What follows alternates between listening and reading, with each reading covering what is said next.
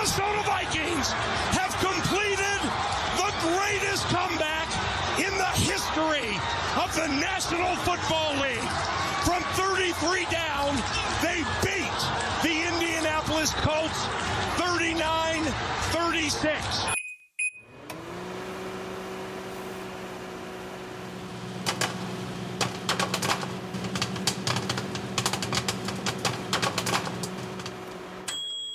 Har der far. Ja, jeg kunne ikke uh, sige det bedre selv, uh, Elming. Har der fuck sket der lige der? Jamen, jeg havde jo skrevet det til dig. Jeg sendte, sendte jo en sms til dig med. Største NFL-comeback on the way, og ganske rigtigt så øh, leverede Vikings det umulige at komme tilbage fra 33 point og vinde kampen. Ja, og du skrev øh, vel og mærke det i øh, pausen, hvor Vikings var bagud med øh, 33 Ja, ja, du skrev jo til mig, øh, hvad sker der? Og nå, men håber du nyder din weekend, eller hvad du nu fik, hvordan du nu fik det formuleret, ikke? Og så skrev jeg bare til dig om det største comeback undervejs, og jeg var aldrig i tvivl. Nej, du var aldrig i tvivl. og øh, i forhold til øh, Kaptajn Kirk, jamen, øh, så er det bare med at hænge på til den øh, bidre inde i dag, fordi helt til sidst i udsendelsen, der får du nemlig Peter Korsmed og hele Ej, sangen er det om rigtigt? Kaptajn Kirk. Kaptajn Kirk. Nå, fedt, man. Det vil jeg glæde mig til. Og øh, ja, men øh, fuldstændig vanvittig kamp mellem øh, Vikings og Colts. Det var jo så ikke øh, det eneste vilde, der skete i uge 15, og det kan du øh, høre meget mere om i denne udgave af NFL-showet, der er optaget live on tape og er produceret af Kvartrup Media i samarbejde med Tafel. Og oddset fra Danske Licens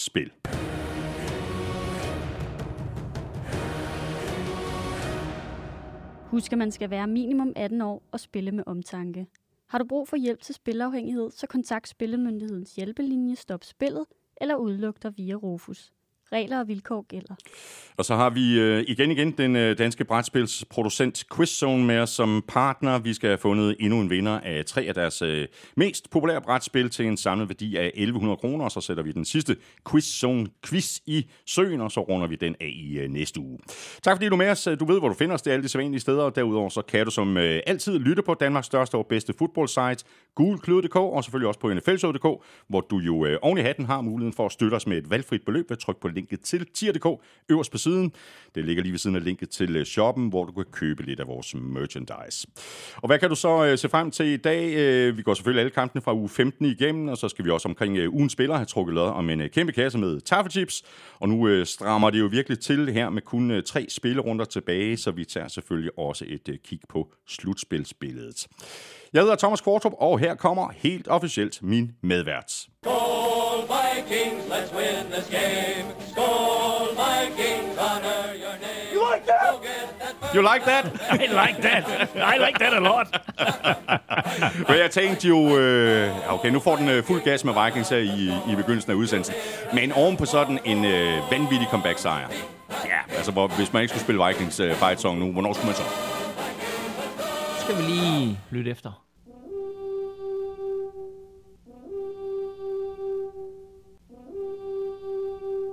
Jeg talte med Kirk Cousins og Kevin O'Connell i sidste uge, og øh, de sagde til mig, "Øh, What sker der for, at uh, Thomas Quartrup han ikke spiller Vikings Fight Song?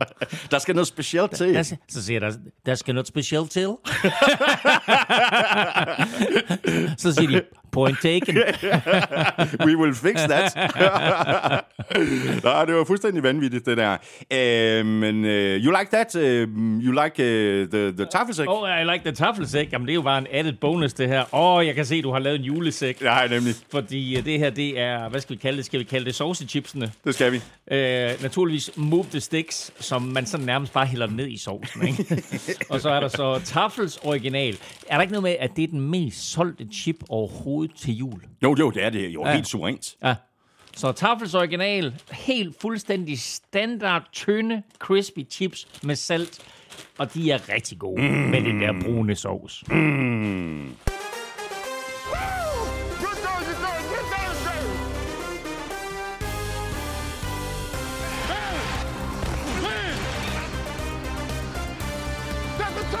Ja, uge 15 i NFL var fuldstændig crazy. Tre overtidskampe, historisk comeback af Vikings over Colts, Texans skal Chiefs kamp til stregen, og Jaguars slog Cowboys.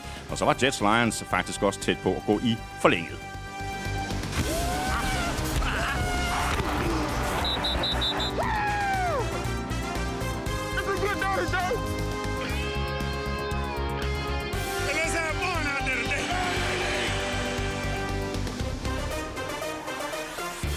Med tre spillerunder tilbage strammer nettet nu for alvor til kampen om at nå med i slutspillet. Er Dolphins på vej til at smide det hele på gulvet i AFC, og hvad med Commanders i NFC? Kan de holde fast i syvende seedet, eller bliver det Seahawks eller Lions? Jeg hedder Thomas Kvartrup, og med mig er Claus Elming.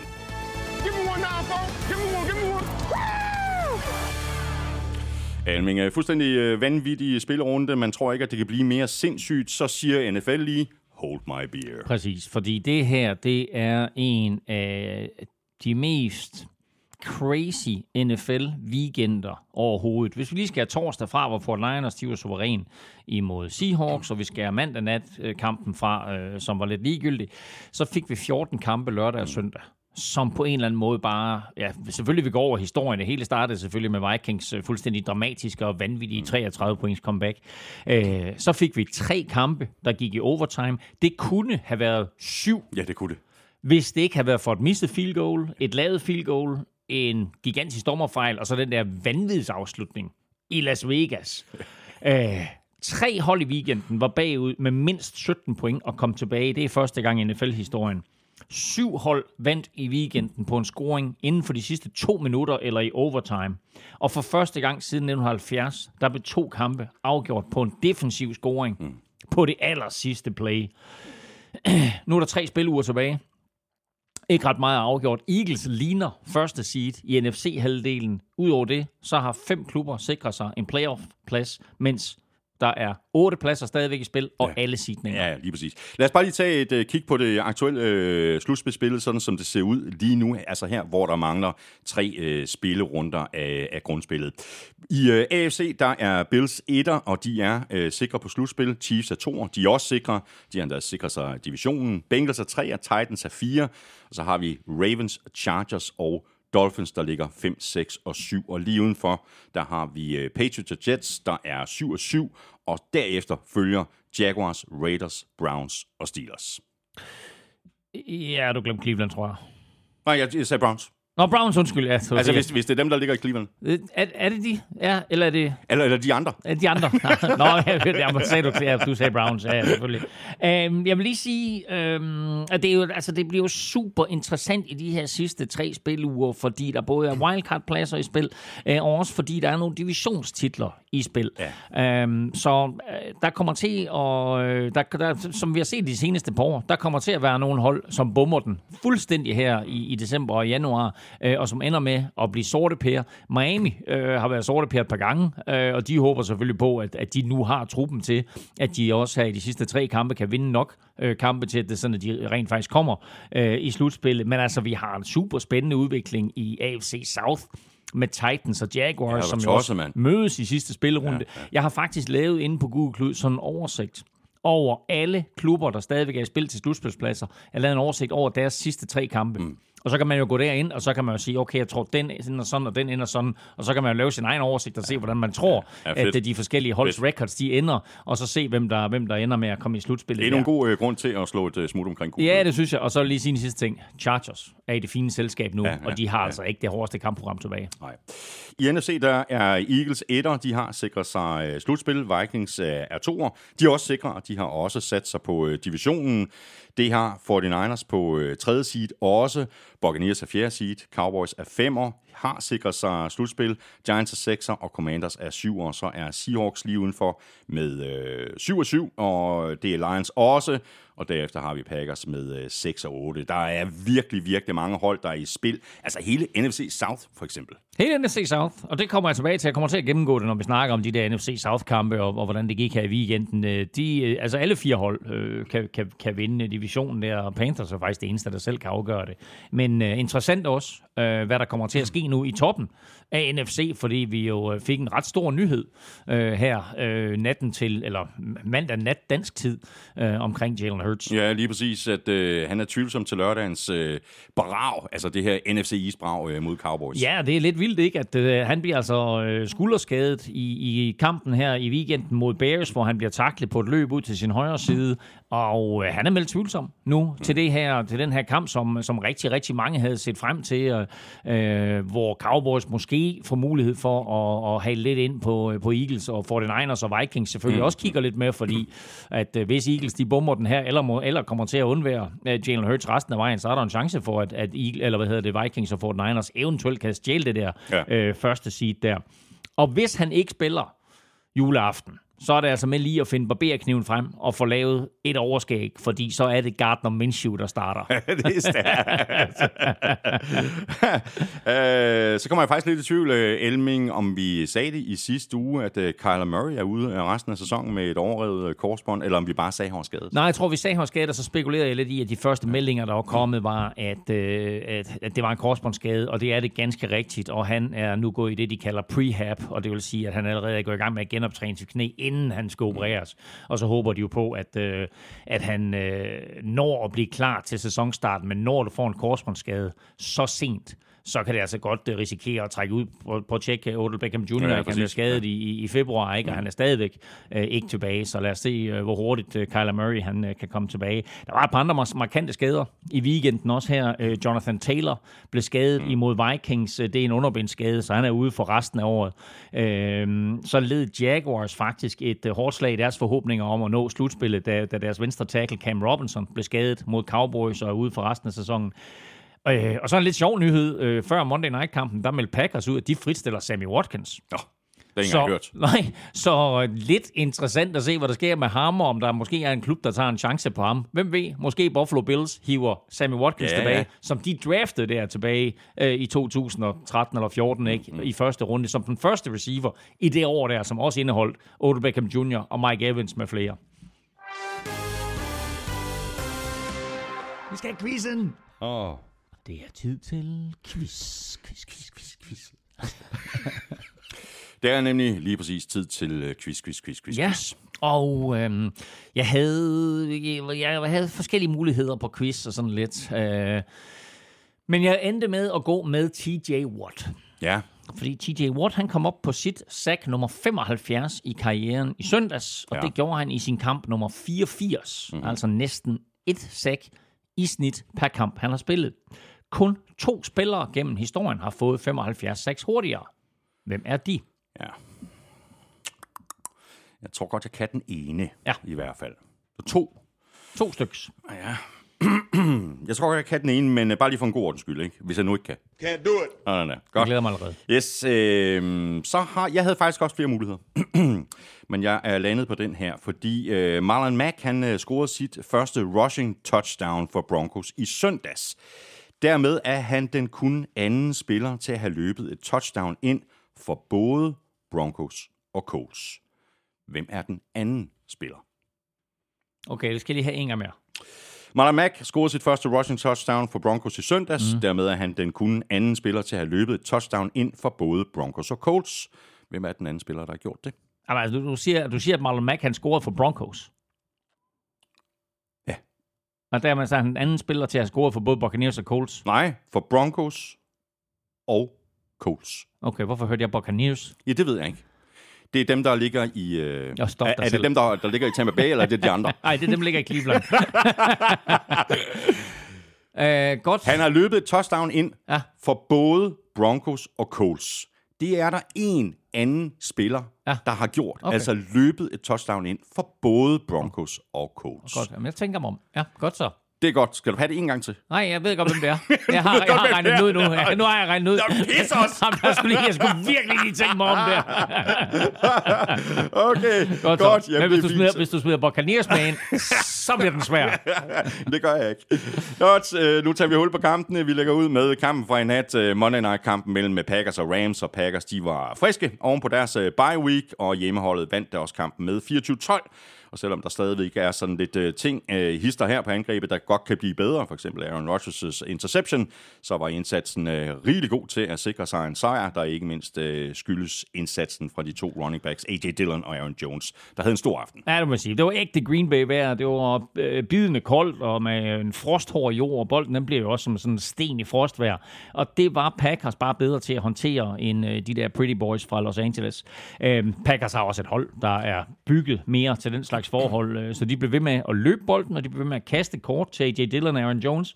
De to havde øh, til sammen 197 yards og scorede alle Packers tre touchdowns.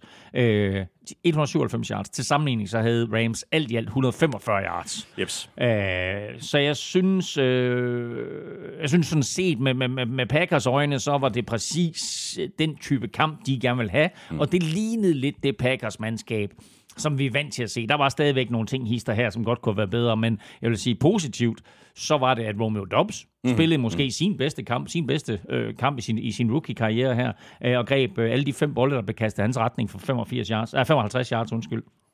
Øh, så sagde du det der med Aaron Rodgers og hans interception. Mærkelig interception, hvor ja. han kaster hen over hovedet på Alan Lazard. Meget ukarakteristisk ja. øh, for ham. Det var hans 10. interception i år. Men til gengæld så vandt han sin 9. Monday Night kamp i træk. Sådan der. Og det er kun to fra rekorden, der holdes af Kenny the Snake øh, Stapler. Så må vi jo se, hvor mange Monday Night kampe øh, Rodgers han ja. får i resten af sin karriere, og også hvor de kommer til at foregå hen. Ja. Altså også, hvor han spiller hen. Ja, ja, lige præcis. Og så har det jo været øh, undervejs et, øh, et godt stykke tid. Øh, det kommer nok ikke øh, som det helt store chok, men nu er det altså officielt, at Rams med tre runder tilbage er elimineret fra at kunne komme med i, øh, i slutspillet. Og altså, det er de forsvarende Super bowl Ja, det er det. Så vi skal have fundet en ny mester. Og det her, det har været lidt øh, anus, ikke anus, men anus horribilis øh, for Rams. Øh, Stafford skadede jo allerede før sæsonen. Øh, Cobb ude for sæsonen. Aaron Donald mm. skadede ikke med her, og generelt så har øh, talentniveauet i år bare slet ikke kunne leve op til det hold, vi så der øh, sidste år virkelig trække fra i december og januar, og så selvfølgelig vinde Super Bowl i februar. Øh, læg dertil, og det var, det var en vild øh, statistik, jeg hørte i går, læg dertil, at Rams øh, offensiv linje øh, stillede med den 14 forskellige kombination i 15 kampe. Det er altså helt crazy og fuldstændig umuligt at få øh, opbygget noget samspil mellem de der og spillere, der står... Og det kan man altså også godt se, ikke? Det kan man da. Uh, altså, der er, der, er, der er pres på quarterbacken derinde. Uh, nu er det Baker Mayfield, der spillede igen, og havde ikke helt samme succes, og, og bliver ikke helt de samme overskrifter omkring Baker Mayfield efter den her kamp, som det var efter hans første kamp. Men, uh, men det, det er svært at stå derinde som quarterback, og også svært at løbe bolden. Selvom jeg synes faktisk, Cam Akers havde nogle rigtig fine løb uh, i den her kamp. En anden spiller, og en af de positive historier fra, fra Los Angeles, kan man sige, det er kicker Matt Gay som faktisk har spillet rigtig, rigtig godt. Han var totalt ligeglad med vejret. Han blev den blot tredje kicker i historien til at sparke et øh, 50-yard field goal i frostgrader øh, på Lambeau Field, og så sådan en rigtig, rigtig øh, altså klassisk NFL-statistik. Øh, så var hans 55'er det længste field goal i Lambos historie, når temperaturen er under 4 minusgrader. ja, det er virkelig klassisk Men altså, han, statistik, han, han, har, han har været god for Rams. Han kom til dem i 2020, og han har brændt seks spark i de tre sæsoner, han har spillet der. Ikke? Så, det er crazy stabilt. Ja, men uh, bare lige slå fast med det samme at øh, det her var jo ikke, hvad ESPN de havde håbet og forventet, da de så kampprogrammet tilbage i, i uh, start maj, der ikke de sagde, wow, Monday night i december, i Green Bay, mellem de forsvarende Super Bowl-mestre og sidste års første seed i NFC. Det kan kun blive godt. Det kan kun blive... Nej. Det kunne ikke uh, kun blive godt. Det blev lidt ligegyldigt. Nej, Men jeg, vil dog sige, jeg vil dog sige, at med Packers sejr, så er de, som du lige sagde tidligere, så er de altså trods alt stadigvæk inde i slutspillet. Ja, ja, præcis.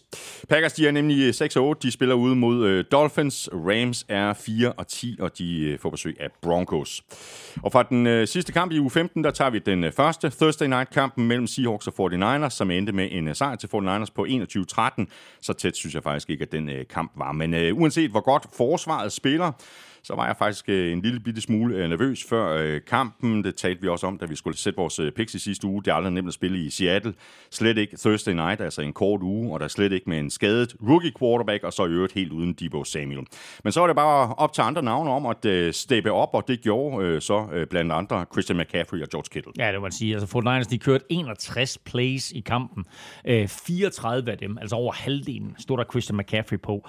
altså, jeg, jeg tænker lidt, hvad 49ers har gjort, hvis de ikke havde hentet ham øh, midt i sæsonen. Øh, han løb for 108 yards, og han greb bolde, øh, seks bolde mener jeg det var, for yderligere 30 yards, og så scorede han igen. Og nu har McCaffrey altså scoret syv touchdowns i sine otte kampe for 49ers, plus han også lige har kastet et touchdown. Ikke? Øh, og det er altså samme antal, som han stod for i de sidste to sæsoner øh, hos Panthers. Øh, og så er der George Kittle. Øh, George Kittle, han griber fire bolde, øh, men tager to af dem til touchdown. Og han er bare så lækker, voldsom når han har bolden i hænderne. Ikke? De kalder ham Jack Monster, altså Præcis. yards after catch. Ikke? Ja. Og du kan se, at så snart han får bolden i hænderne, så skal der altså noget specielt til for at takle ham. Plus, at når han får øh, bolden i hænderne, så er det jo ofte mod sådan mindre cornerbacks og safeties, og dem trumler han altså bare. så øh, to super fede touchdowns Kittle over the middle. Kittle over the middle. Jeg tror, jeg skrev i mine uh, torsdags tanker, uh, in the Kittle of the night, uh, fordi det var, det var en god, uh, god indsats af ham og af Chris McCaffrey. Og vil jeg lige sige, at Drake Greenlaw igen, han gider altså ikke længere at stå i skyggen af Nick Bosa og Fred Warner. Uh, han laver for femte kamp i træk her øh, et, et stort spil. Uh, virkelig, virkelig en, en flot sæson af ham. Apropos øh, Nick Bosa, så er der faktisk øh, kommet et par, par spørgsmål øh, fra Andreas Hansen og Paul Jacobsen. De øh, undrer sig begge over den der roughing the passer på Ej. Nick Bosa i tredje øh, quarter, hvor en interception blev kaldt tilbage. Ja, nu kan jeg ikke huske, hvad han hedder ham, jeg, øh, der, der, der laver interception og returnerer den til touchdown, men det er i hvert fald hans første øh, pick 6 i karrieren, og den er klokkeklar. Mm. Øh, altså, jeg vil sige, at der ikke er øh, roughing the passer. Og med baggrund i den, der kom det op og vende igen allerede fredag at NFL øh, og øh, Competition Committee øh, kommer til at kigge på, om de kan begynde at se roughing the passer igennem.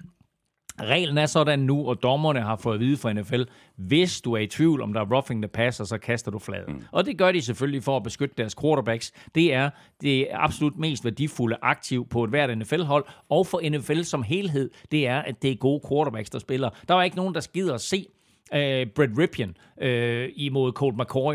Ikke? Altså, de vil se topspillerne spille mod hinanden. De vil se topspillere som Brock Purdy. Mod, jeg kalder ham Purdy, jeg hedder Purdy. Du kan se, hvor lidt jeg kalder til ham. Nej, men, men, men, men det er derfor, at de beskytter quarterbacksene ja, ja. med de her roughing the passer penalties. Men der har bare været for mange tvivlsomme roughing the passer penalties. Og den her er fuldstændig unødvendig at kaste et flag på, og den koster jo rent faktisk øh, 49ers point. Vi havde jo ikke den øh, helt store fidus til Seahawks, inden sæsonen gik i gang. Jeg tror, du havde dem helt nede som nummer 31, eller måske endda 32 i din øh, power ranking. Øh, så kom de jo rigtig flot øh, fra land, overrasket af alt og alle. De førte NFC Vest i lang tid. De var på 6 og 3, da det var bedst. Mm. Nu er de 7 og 7. Ja. Og så for at gå ondt værre, så blev Tyler Lockett lige skadet. Ja. Den mest øh, undervurderede receiver i ligaen i, i, i mine øjne. Ja, og, og den gør virkelig ondt. Jeg tror ikke, han er undervurderet i Seattle, fordi uh, head coach Pete Carroll, han virkede nærmest helt ked af det på preskonferencen bagefter. Og det gjorde han selvfølgelig, fordi han godt ved, at det her det er en utrolig svær spiller at skulle erstatte, og en, og, og en spiller, som de ikke har råd til at undvære her, med, med tre kampe tilbage, og hvor de kæmper for at få en slutspilsplads. Øh, Lockett, han fører Seahawks i yards med 964. Øh, han fører med touchdowns med 8, og han har været øh, sammen med Gino Smith, øh, angrebets vigtigste spillere. Øh, han har brækket en finger, og det er altså lidt af en katastrofe før de sidste tre kampe, hvor Seahawks møder Chiefs, og så Jets, og så slutter af med Rams. Og øh, som jeg ser det lige nu, og jeg ser resten af kampprogrammet og de andre holds kampe og sådan noget, så er det højst øh, tvivlsomt, om Seahawks de kommer i playoffs. Seahawks er altså øh, 7-7. De spiller, som sagt, ude mod Chiefs. For Niners, de er 10 og 4, og de spiller hjemme mod øh, Commanders. Og øh, Chiefs, jamen, øh, de var i Houston, hvor de mødte øh, Texans, og det gik ikke øh, helt som planlagt. Texans, de blev nemlig rigtig godt fra sig. Kampen endte i forlænget efter 24-24. Her trak Chiefs så alligevel det længste strå med et touchdown, og altså en sejr på 30-24. Vi overvejede jo faktisk at øh, nominere Patrick Mahomes til ugens spiller. Han var i hvert fald med i brutotruppen. Mm. Øh, vi endte så med at tage øh, Jarek McKinnon i stedet for, men vi skulle måske have taget Mahomes, fordi øh, sikke en afslutning af ham. Han havde en, en vild afslutning på den her kamp. Altså, Texans fører jo stort set hele kampen, og øh, selvom de er foran, så er det jo sådan lidt ligesom om, at Mahomes han sådan bare smålejer sig igennem øh, den første halvdel af kampen. Og det alvoren den så rammer, og der faktisk er en, en reel risiko for, at Chiefs de øh, taber den her kamp, så trækker han i arbejdstøjet, og så leverer han bare det ene imponerende kast efter det andet, og nogle kast, som kun han kan levere. Ja, Øh, og hvor han så også vil jeg sige, i, i Travis Kelce har en spiller, som han kan kaste til, og så griber han de mest mærkelige bolde, og altid på en eller anden måde sørger for at være fri. Og der er også nogle totale no-no-kast imellem, som alle andre quarterbacks vil blive lynchet for at kaste, men han slipper godt af- afsted med det, og så ender det jo rent faktisk med, at han rammer med Holmes vinkel, set, han rammer på sine sidste 20 kast. Ikke? Al- Alle de sidste 20 kan. Han bliver godt nok, der er godt nok et enkelt sack undervejs også og sådan lidt. Ikke? Men det er men altså, ikke? men altså de, de sidste 20 gange, at bolden slipper øh, hånden, der bliver den også grebet af, af, af en medspiller. Øh, han løber også øh, et, et touchdown ind der, som bringer dem foran for første gang i kampen. Øhm, og generelt så vil jeg sige, at det var ikke prangende øh, af Chiefs, men de vandt igen, og det er det vigtigste. Øhm, og de finder måder at vinde på øh, uge efter uge. Øhm, Det er jo en kvalitet i sig selv at kunne vinde på Ja, forskellige ja, måder. selvfølgelig er det. Og øh, det har de jo ikke bare gjort i år, det har de gjort igennem Mm, flere år. Så det her, det var altså deres AFC West-titel, nummer syv i træk. Det er NFL-historiens næst længste stime, kun overgået af Patriots 11 øh, divisionstitler i træk fra 2009 til 2019. Og så nævnte du lige Jarek McKinnon. Jeg vil lige sige, at han er altså pludselig blevet den her Schweizerkniv, som Chiefs havde håbet på, at de fik i Clyde edwards Øh, han scorer øh, touchdown på løb, han scorer touchdown på et grebebold, og han scorer en two-point conversion. Det er også ham, som laver øh, det afgørende touchdown i, i overtime. Øh, og så scorede øh, Marcus Valder Scantling også øh, på et, øh, et kast fra, fra Mahomes, øh, forkortet MVS. Øh, jo ikke at få veksle med vores nye regering. Og øh, ligesom øh, vi jo ikke havde de helt store forventninger til, øh, til Seahawks, øh, inden sæsonen den gik i gang, øh, så gjorde det samme så... Øh, for at sige det pænt, øh, gældende for vores forventninger til Texans. Det er jo så heller ikke fordi, at deres øh, record er noget, der er værd at skrive øh, hjem om, øh, men nu er der altså to øh, trækælminger, ja. De har været tæt på, sådan ligesom, og den helt store overraskelse. ikke? Ja, yeah, men de, de har tabt ni kampe i træk, ikke? Øh, og, og selvom de har tabt ni kampe i træk, så var det jo faktisk en, en, en stolt head coach, Lovie Smith, der mødte pressen bagefter. Ik- ikke stolt af resultatet, eller det faktum, at de, at de tabt. Øh, og, og nærmest heller ikke stolt af, at de nu to uger i træk har haft først Cowboys på krogen, og så har Chiefs på krogen, men mere, at spillerne kommer ud uge efter uge og tror på, mm. at de vinder kampe. De stiller ikke op og, og kigger på deres record, og så siger, vi er NFL's dårligste hold. Nej, de kommer ud og så siger, vi kan bide skære med alle. Mm. Øh, og det kan jeg godt forstå, at han er stolt af, fordi, og, og også lidt på egen vegne, fordi øh, altså, det kræver også noget for en head coach og få spillerne til at komme ud og performe på den måde. Det kræver, at det sådan, de træner hårdt øh, i løbet af ugen, og de bruger den tid, der skal til for at forberede sig til, til sådan nogle opgør som det her. Øh, og så er det bare super ærgerligt, at de talentmæssigt ikke er på niveau med de andre hold, for det er det, der kommer til at afgøre det til sidst. De spiller fuldstændig lige op med Cowboys i sidste uge og Chiefs i den her uge, men talentmæssigt har de ikke evnerne øh, og spillerne til at, øh, til at afgøre øh, det her. De førte 21-16 midt i fjerde kvartal, og øh, de to, to af de turnover, som Chiefs lavet og, to, og, og gjort dem til touchdowns. Og det er en god opskrift øh, til at vinde kampe, og noget, de kan tage med videre øh, til næste år. Så må vi så se, hvem der er head coach, for jeg tror ikke, Lovie Smith får lov til at fortsætte. Det tror jeg heller ikke. Texans er altså 1-12-1. De spiller ude mod Titans. Chiefs er 11-3, og de øh, får besøg af Seahawks. Du tog jo øh, Broncos i picks. Jeg gik med Cardinals. Det skulle jeg så ikke have gjort, men jeg synes også, at det var en, en svær kamp at forudse. Det var jo the battle of the backups, fordi både Kyler Murray og Russell Wilson var ude med øh, skader. Broncos angreb øh, lidede sådan lidt op efter pausen, men øh, som det har været så mange gange tidligere i år, så, øh, og som det også var i søndags, så var det Broncos forsvar, der var deres bedste enhed, og det var vel også forsvaret, der sikrede øh, Broncos sejren. Ja, ja, og så var det jo Battle of the Backups, ikke? Ja. Med, med først uh, Brett Ripien øh, imod Colt McCoy, og så blev Colt McCoy skadet, og ind kom øh, øh, Trace McSorley. Øh, det var et ganske tæt opgør, jo en, øh, en field goal fest, indtil McSorley han kom ind. Øh, Cardinals, de var foran øh, 9-3, øh, og McSorley der, hvis man ikke lige kender til ham, så er han jo en, en, en college-legende, men nu har han efterhånden øh, bevist et par gange, at han har altså meget, meget svært ved at få det til at fungere øh, i NFL. Øh, han formår at føre dem til et enkelt field goal, og også et touchdown til aller, aller sidst, øh, som var sådan lidt ligegyldigt i den store sammenhæng. Men han kaster to interceptions, og det betyder så, at, at Broncos får lidt nemme forhold og kan køre en 24-15 sejr hjem. Øh, jeg vil lige nævne en enkelt spiller, og det er Latavius Murray som jo er sådan en øh, øh, onkel, onkel rejsende Mac, øh, mere eller mindre, ikke du ved, som øh, rejser fra hold til hold. Mm. Og uanset hvor han kommer hen, så har han på en eller anden måde succes. Og her der har han altså øh, 24 løb for 130 yards og touchdown. Ja, det er en rigtig god dag på Ja, det må kontoret. man sige. ja.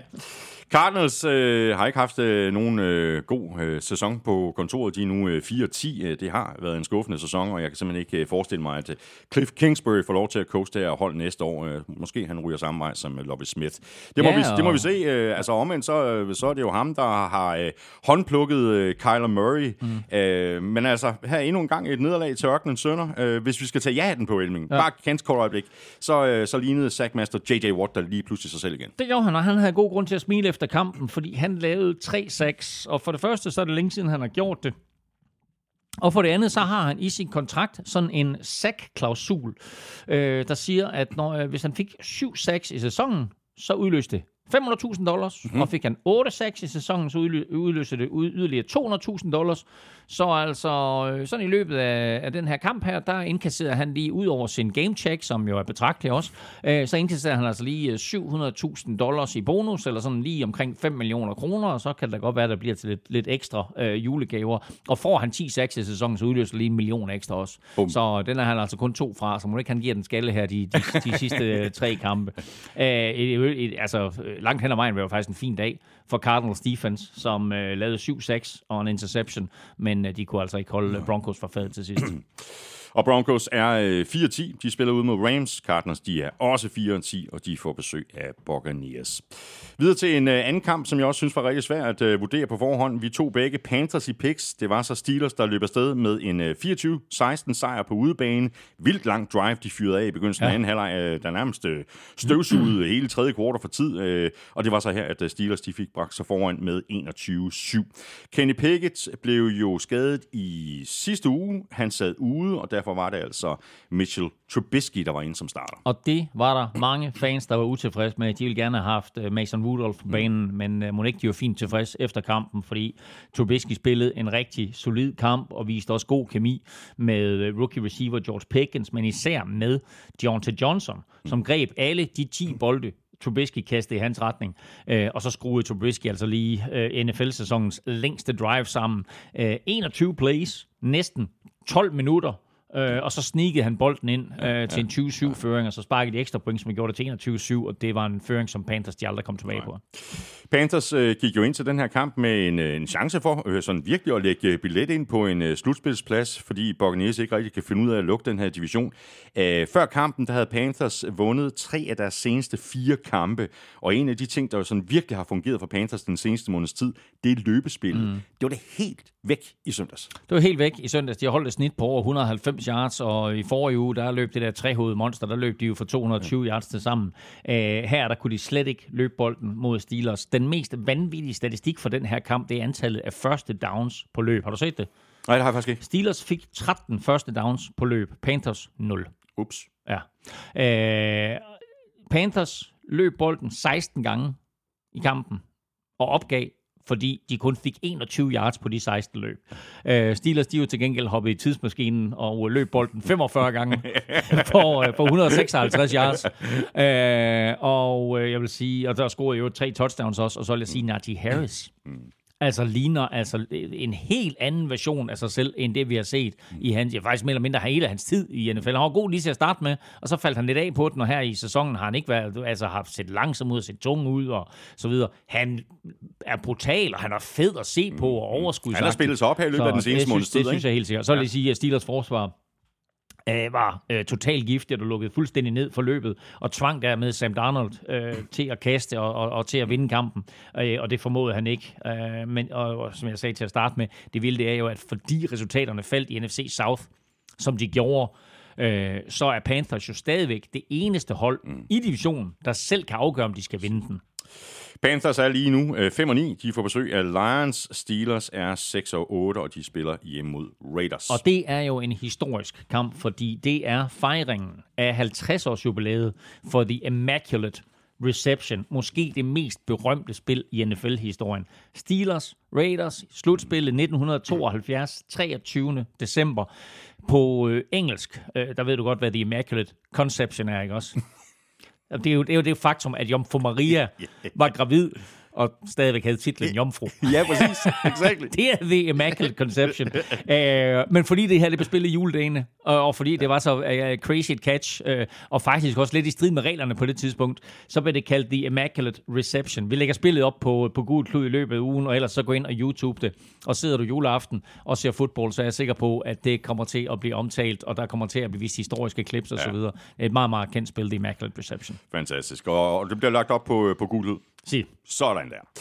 Så øh, går vi videre til øh, NFC South-opgøret mellem øh, Saints og Falcons. Øh, jeg gik med Saints, øh, mens du satsede på Falcons. Saints de vandt med 21-18, og dermed er begge mandskaber 5 og 9 i divisionen, og det ja. betyder, at øh, de begge to øh, stadigvæk har chancen for at vinde divisionen, hvilket er fuldstændig vildt. Ja, ja, men jeg, jeg, synes jo mest, altså, jeg synes jo mest, at det er vildt, at Saints har chancen øh, for at vinde divisionen. Øh, de kan ikke selv afgøre det. Som sagt, det er Panthers, der, der, der kan det, øh, og de har ikke verdens nemmeste schedule.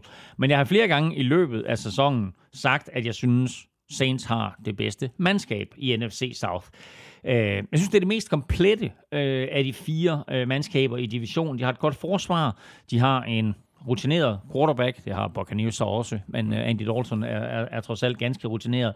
han kaster to touchdowns her.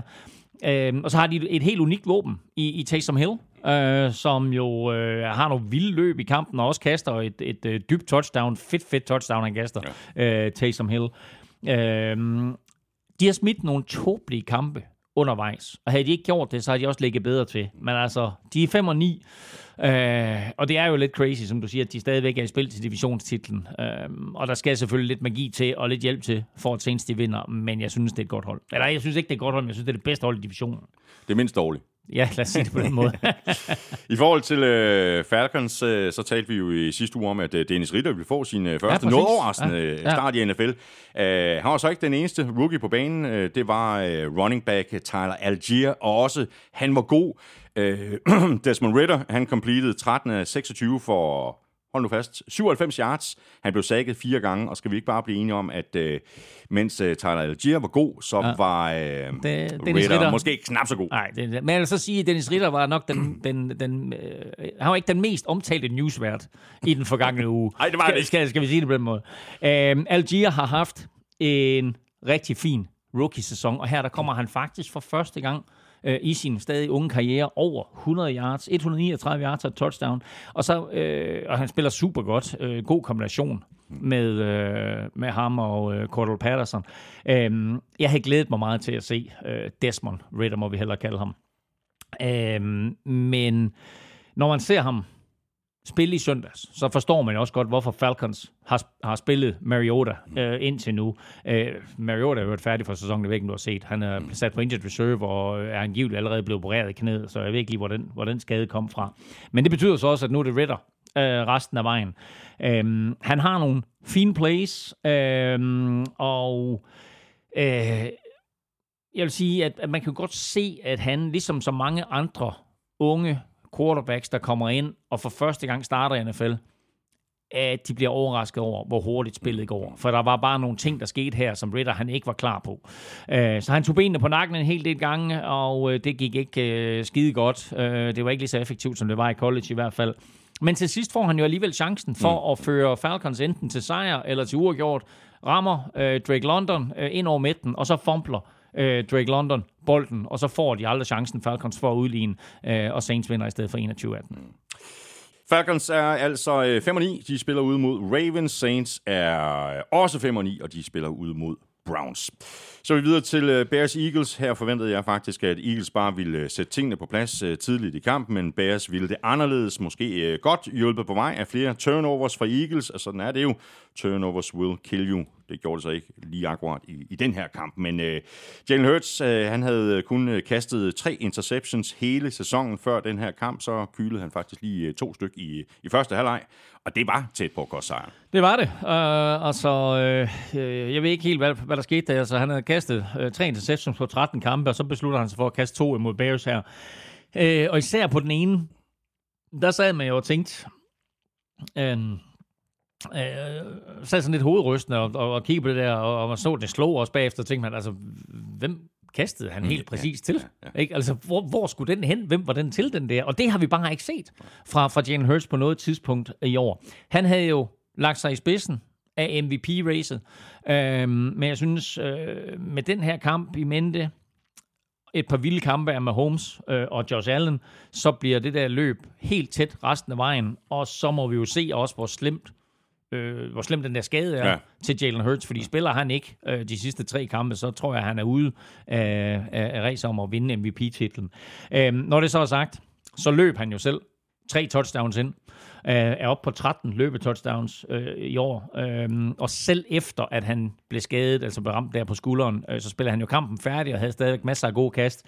Øh, han kastede til A.J. Brown, der greb for bolde for 181 yards, karriere bedst af A.J. Brown, og også Devontae Smith kom over 100 yards med 126. Øh, og så vil jeg lige pointere, tænk på Hayden Hurst, tight enden, stadigvæk er skadet. Mm. Så når han kommer tilbage, og hvis Jalen Hurts ikke er alvorligt skadet, så bliver det her angreb bare endnu bedre. Ja, det gør det virkelig.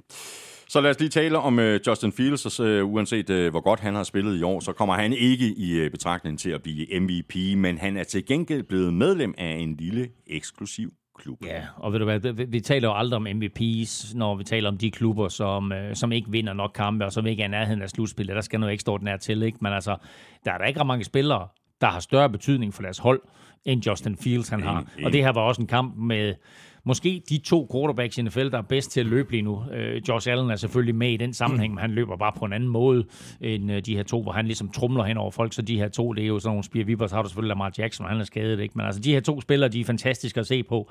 Og øh, Justin Fields kom, som du siger, i en lille eksklusiv klub, fordi han kom over 1000, eller han kom ikke over 1000 yards, han kom på øh, 1000 yards præcis øh, i sæsonen. Og der er faktisk kun to quarterbacks i historien, øh, der har ramt 1000 yards øh, løb i en sæson. Ved du hvem? Det er øh, Michael Vick og... Ja. Er det Lamar Jackson? Det er det da. Ja. Øh, Vick helt tilbage i 2006, og så selvfølgelig Lamar Jackson i 2019 i hans MVP-sæson. Og der løb han for 1.206 yards, øh, Lamar Jackson. Øh, og det vil sige, at, at Fields han altså mangler lige over 200 yards for at, at sætte rekorden, øh, selvom han jo så i, i parentes får en ekstra kamp øh, til at gøre det øh, i, i forhold til Lamar Jackson der for to år siden eller tre år siden. Øh, og så vil jeg sige, Bears løbeangreb bliver ved med at imponere mig. Jeg synes, David Montgomery har nogle øh, fede løb, øh, og gang på gang finder det rigtige hul og viser god eksplosivitet, når han, når han rammer hullet.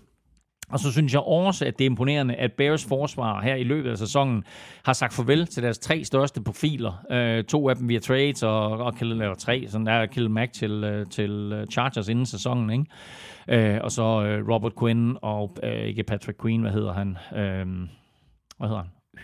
Roquan Smith, øhm, har de sagt farvel til. Men det her forsvar, synes jeg, man, man kan se en udvikling af, uge for uge øh, under, under kyndig vejledning af Matt Eberflus, der stille og roligt øh, sætter sit stempel på det her forsvar. Bears er øh, lige nu 3 og 11. De spiller hjemme mod Bills. Eagles er 13 og 1, og de øh, spiller et øh, brag af en kamp ude mod Cowboys. Og så lad os bare krydse fingre for, at det er med de to øh, startende quarterbacks. Så mangler vi bare en øh, enkelt kamp, øh, inden vi skal have fundet en øh, heldig vinder af en øh, kæmpe kasse med taffetips, og den kamp er en af lørdagskampene, Browns-Ravens. Og den kamp vandt øh, Browns med 13-3, og dermed kunne Deshaun Watson altså notere sin første hjemmesejr med Browns. Øh, og jeg synes faktisk, det går stille og roligt i den rigtige retning for Deshaun Watson og hans spil, mm. selvom det ikke er lige kønt og lige effektivt det, det hele. Men jeg synes, det bevæger sig i den rigtige retning. Hvad med Hjalte Froholz? Hvad siger du til hans præstation? Jamen altså, jeg synes, Hjalte spiller rigtig, rigtig godt. Øhm, og øh, hvis man fuldstændig nøgtern vurderer det, så, så, så, så gør han det godt. Men jeg synes bare, at øh, på de sociale medier, så er der opstået sådan en trend med, at han skal svines til, og det synes jeg ikke er, er rimeligt. Altså, i bedste fald, øh, så er det øh, unuanceret. Ja, hans præstation og, og, afhænger jo også af resten af linjen. Og, ja, det gør den nemlig. Øhm, øh, altså jeg vil sige, i værste fald, øh, så er, er kritik af hans spil unuanceret, og i værste fald, så, øh, så er det fuldstændig urimeligt, fordi han er ikke problemet på den her offensive offensiv linje øh, som på ingen måde spiller op til, til Fordoms styrke.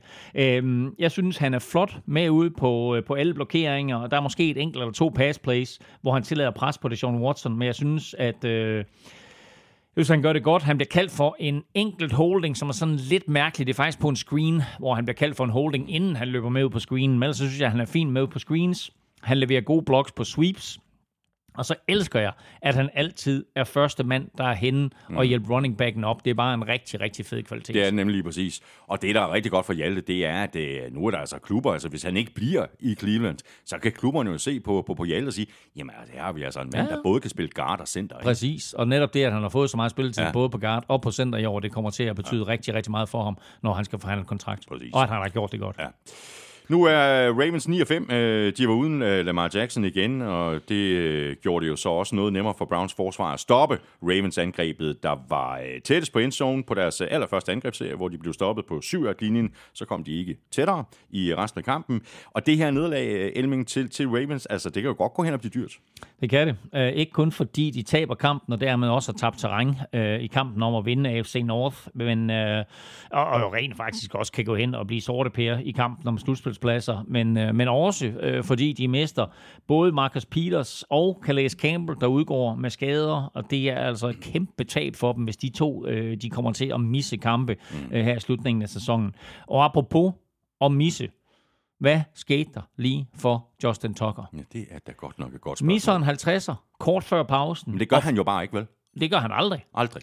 Øh, og så tænker man om, han, fint, det var så once in a season timing. Mm. Øhm, men øhm, så får han blokeret et spark også, altså field goal, i anden halvleg.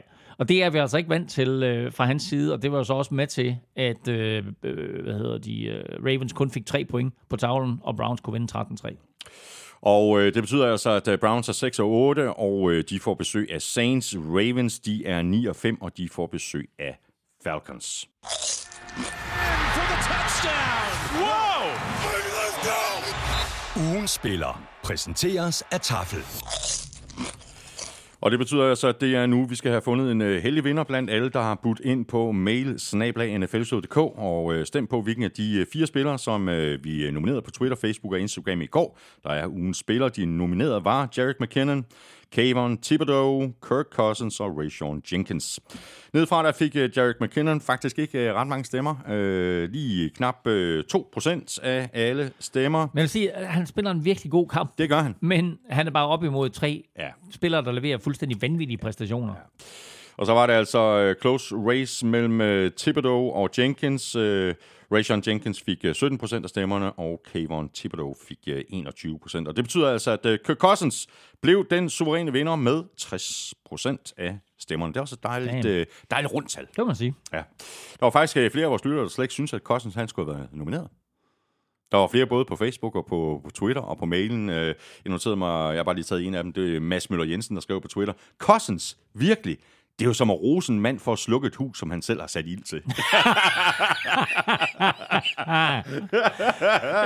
Det vender vi tilbage til, for han havde faktisk ikke ret meget med det at gøre. Nej. Godt, jamen lad os bare få trukket en, en heldig vinder. Take it away, Elming. Det er, er jo dig, der er. Lykkens skud ind. Jeg trækker et, uh... et navn her. Og der står... Der står Fætterkirk. Kos- Nå, det er Nå, Cousins. Kossen.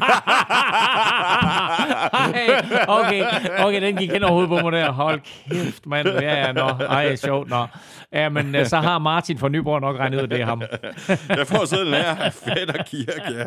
Martin Bille Hansen fra Nyborg, øh, stort øh, tillykke øh, med det. Øh, er en lille bitte smule tvivl om, øh, hvorvidt din øh, gevinst kan nå frem inden jul. Jeg ved, at øh, Norske Hanne gør, hvad hun kan for at få præmierne sendt afsted så hurtigt som muligt, men jeg kan ikke love det. Under alle omstændigheder, så sender jeg dit øh, navn og adresse videre til øh, tafel Og her i, senere i i her i juletiden, der er det jo en kasse med 18 poser original, ikke? Kun, kun original chips. det var faktisk meget fedt. vi gør det igen i, øh, i næste uge. Øh, Elming og jeg nominerer tre eller øh, fire spillere mandag formiddag på Twitter, Facebook og Instagram, og så kan du altså stemme på din favorit på mailsnablag.nflshow.dk. Du skriver dit bud i emnefeltet, og i selve mailen skriver du dit navn og adresse. Så er vi tilbage i øh, kampene, og det er vi med øh, det super vigtige matchup i øh, NFC East mellem Commanders og Giants, og det var en kamp, hvor der virkelig var noget på spil for begge mandskaber for deres chance for at nå med i slutspillet, og det var Giants, der slap bedst fra den kamp med en sejr på udebane på 2012. Vigtigt her for Giants efter fire uger i træk mm. uden en sejr. Øh, ja, og en sejr i syv uger, ikke? Altså, så det her, det var, og det var, det var vigtigt ikke kun fordi øh, de vandt, men også fordi de nu selv kan kontrollere deres egen skæbne. Øh, og også vigtigt øh, på, på baggrund af den måde, det skete på, synes jeg, fordi de spiller solidt forsvar. Øh, de laver et par, par kæmpe turnovers. Øh, Daniel Jones øh, spiller tæt på fejlfrit, og så fik de gang i Second Barkley igen. Øh, og så kom de ud af den der øh, negative spiral øh, lige i tide med, med tre kampe tilbage, som de reelt set kan vinde alle tre. Mm. Og så var det altså en uh, fuldstændig vild kamp af Giants uh, første rundevalg af outside linebacker Kevin Thibodeau, og det var så også derfor, vi uh, nominerede ham til ugens spiller. I sidste uge, der sagde han, at uh, prime time likes me, mm. og det er jo et uh, forholdsvis modigt udsagn for en uh, rookie, men uh, det ser ud til, at han har noget at, at, at have det i. Altså vanvittig kamp af ham med et uh, strip sack og en returneret fumble for touchdown, og ja, og så en, en hulens masse taklinger, blandt andet en på linjen Han er vild, ikke kun for sit spil på banen, men også udenfor, hvor han jo med øh, sine sociale medier og ved talte også om det i forbindelse med draften, det her NFT-kunst, han laver, jo også har været med til at bane vejen for, at mange college-spillere, eller college-spillere i det hele taget, nu kan tjene penge ved siden af fodbold. Og søndag, der vil jeg sige, der var han hver en cent værd, som, øh, som Giants giver ham på hans øh, rookie-kontrakt.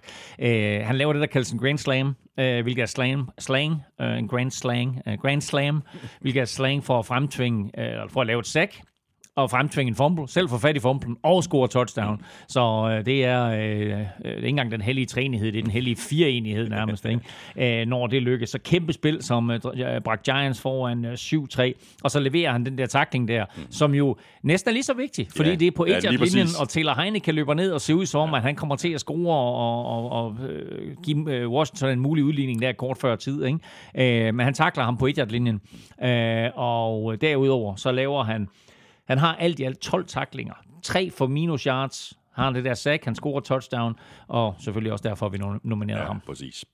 Og lige så vigtigt den her sejr var for, for Giants, lige så skidt et nederlag var det for uh, Commanders uh, Ron Rivera. Han var ikke helt tilfreds med dommerne efter kampen, men uh, summa summarum, uh, nu har de spillet uafgjort uh, med Giants og tabt til Giants, efter at de jo var brandvarme og havde vundet seks ud af deres foregående syv kampe. Altså ikke ligefrem det fedeste schedule, de har tilbage i Commanders, ude mod 49ers og så hjemme mod Browns og Cowboys. Mm. Det kan, det kan godt blive ganske, ganske svært, og jeg synes jo sådan, hvis man ser på det, så, øh, så hænger slutspillet så lidt øh, i en tynd tråd for dem lige nu, øh, og derfor var den her kamp jo også super vigtig for, for begge hold. Øh, Washington havde, øh, som vi lige skitserede, chancen for at udligne til sidst. De er bagud med 8, øh, så det kræver selvfølgelig både touchdown og en two-point conversion for at få kampen i overtid, men øh, dommerne smider et helt unødvendigt flag for en ulovlig formation øh, på Brian Robinsons touchdown. Mm. Øh, fuldstændig unødvendigt flag i den situation. Ja. Øh, og øh, derefter, så synes jeg jo så, at de godt kunne have kastet et flag for pass interference i endzone. Det vælger de så heller ikke at kaste.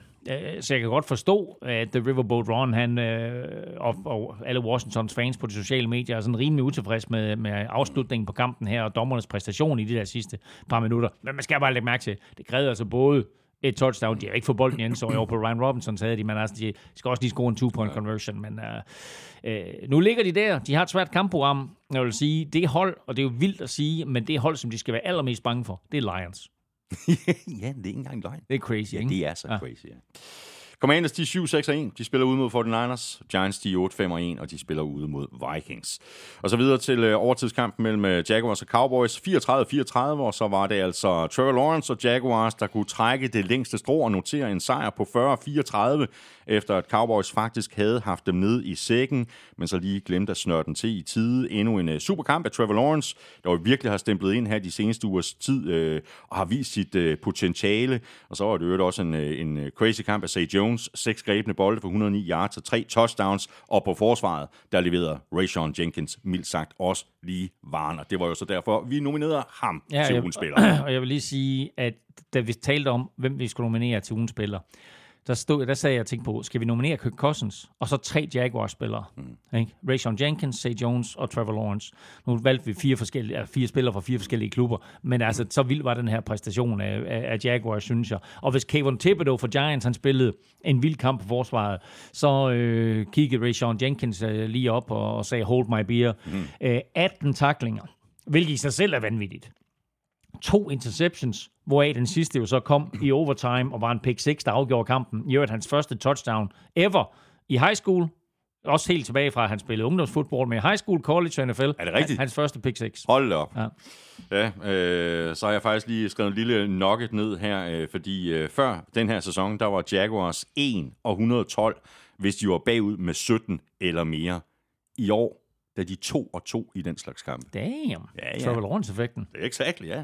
Og nu er øh, Jaguars altså øh, 6 og 8. Øh, Isoleret set, så er det jo ikke øh, imponerende, men de viser tænder. Øh, Det ser ud til, at de har gang i noget øh, spændende i Jacksonville, som kan blive rigtig interessant at følge i de, øh, de kommende år.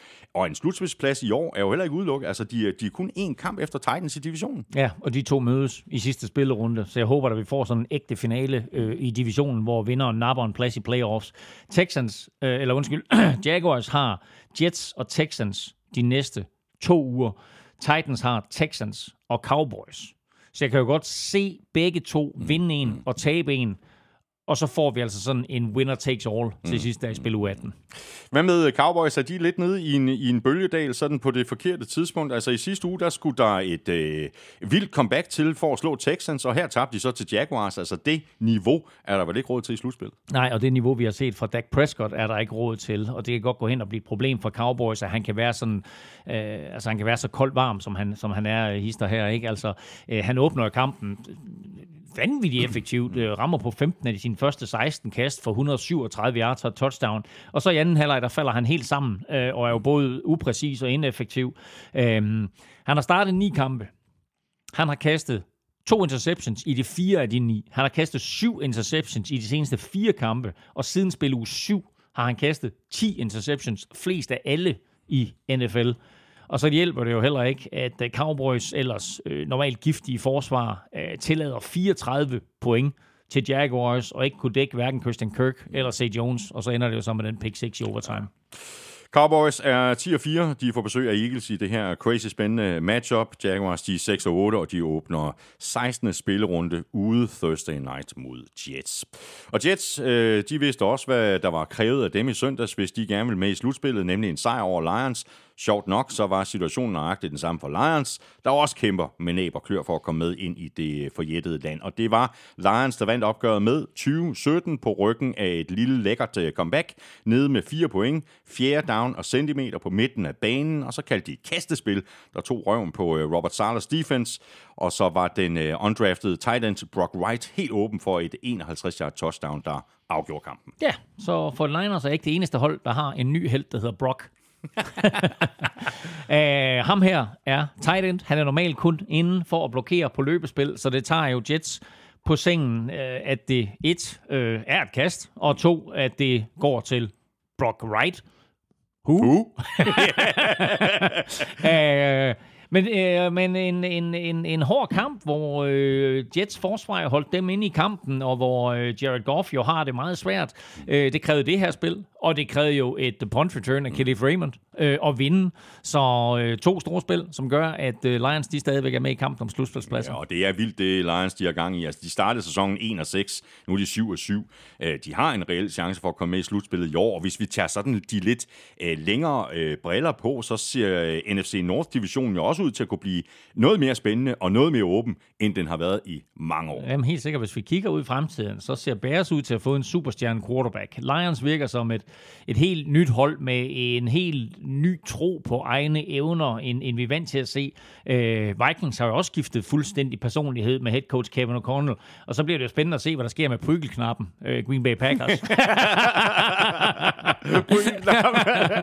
Men øh, prøv at høre, Lions er 7-7 nu. Øh, de har Panthers, Bears og Packers tilbage. Så helt ærligt, det er, jo, det, er jo, det er jo faktisk lige pludselig sandsynligt, at de får en wildcard-plads, efter at de startede i 1 og 6. Ja, det er helt vildt, ikke? Ja, der kommer et øh, sjovt lille men, spørgsmål men, i quizzone ja, ja. Om, omkring det her. Fedt. Ja. Men, men ved du hvad, og det er jo lidt, det er jo lidt vildt også, at Lions og Panthers pludselig, altså at Lions, det er jo lidt vildt, at Lions og Jets er så vigtig en kamp, så sent i sæsonen, mm. som det er. Ja, og det, er, det, er, lidt det er vildt. Og det er lidt vildt det her i den kommende weekend, at der er Lions og Panthers en virkelig vigtig kamp ja. for begge mandskaber. Ja. Ja. Jets, øh, de var jo øh, tvunget til enten at skulle spille med øh, Joe Flacco eller øh, Zach Wilson, fordi Mike White sad ude med en øh, skade i ribbenene. Jeg synes egentlig, at Zach Wilson han spillede bedre i den her kamp, end han gjorde for en måneds tid siden. Han er ligesom bedst, når han kan rulle ud til siden. De der sådan helt basis ting inde i lommen, altså når angrebet bare sådan skal køre efter bogen, det kniber det altså stadigvæk lidt med, gør det ikke?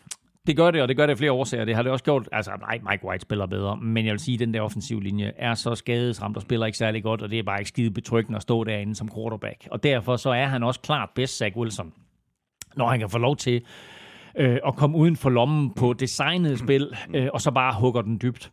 Han har en raketarm, så han kan jo godt kaste de der lange bolde. Han har i den her kamp, der rammer han en 60'er dybt. Øhm, han, nej, undskyld, han rammer en 33, han rammer en 40, han rammer en 21, han rammer en 50'er. Han rammer en 33, og han rammer en 22. Altså, de seks kast giver 199 yards til sammen. Mm. Og så tænker man, wow. Men kigger man så på resten, så er han 12 af 33 for 118 yards, en interception og 4 sacks.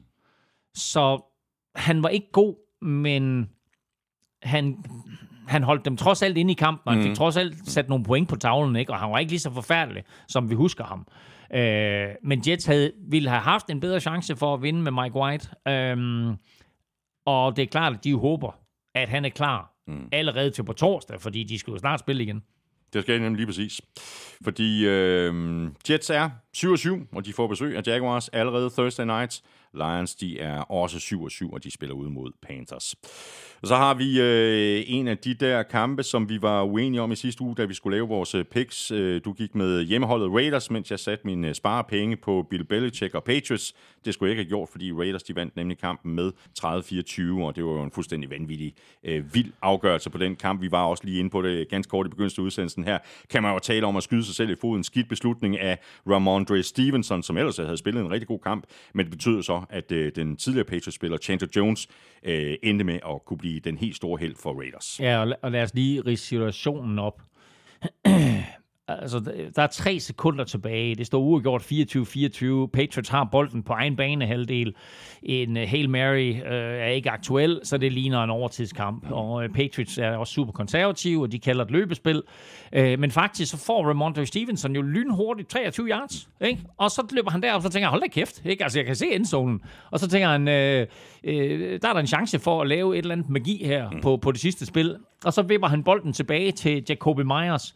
Og det er så der, det for alvor går galt. For jeg tror faktisk, at Myers han bliver forvirret og tænker, at han også skal kaste den bagud. Altså, øh, han kunne bare sætte sat sig ned, eller gå ud over sidelinjen, og så var kampen gået i overtid, men, men ligesom om han panikker. Øh, og så kaster han den øh, bagud rettet igen, og lige hænderne på Chandler Jones. Der er næst sidste mand i en endzone. Den sidste mand, det, er- det er Mac, eller, jo, Chandler Jones, og den, næst sidste, den sidste mand, det er Mac Jones. Og så står Chandler Jones med bolden i hænderne, og så kigger han på Mac, og kigger Mac Jones, og siger, så stikker han sådan en lap ind i, i hovedet på ham, og siger, ned med dig. Pff, ikke? og så trumler han hen over ham, og så løber han. Jeg fløj op af min stol, og jeg stod, jeg stod seriøst og grinede.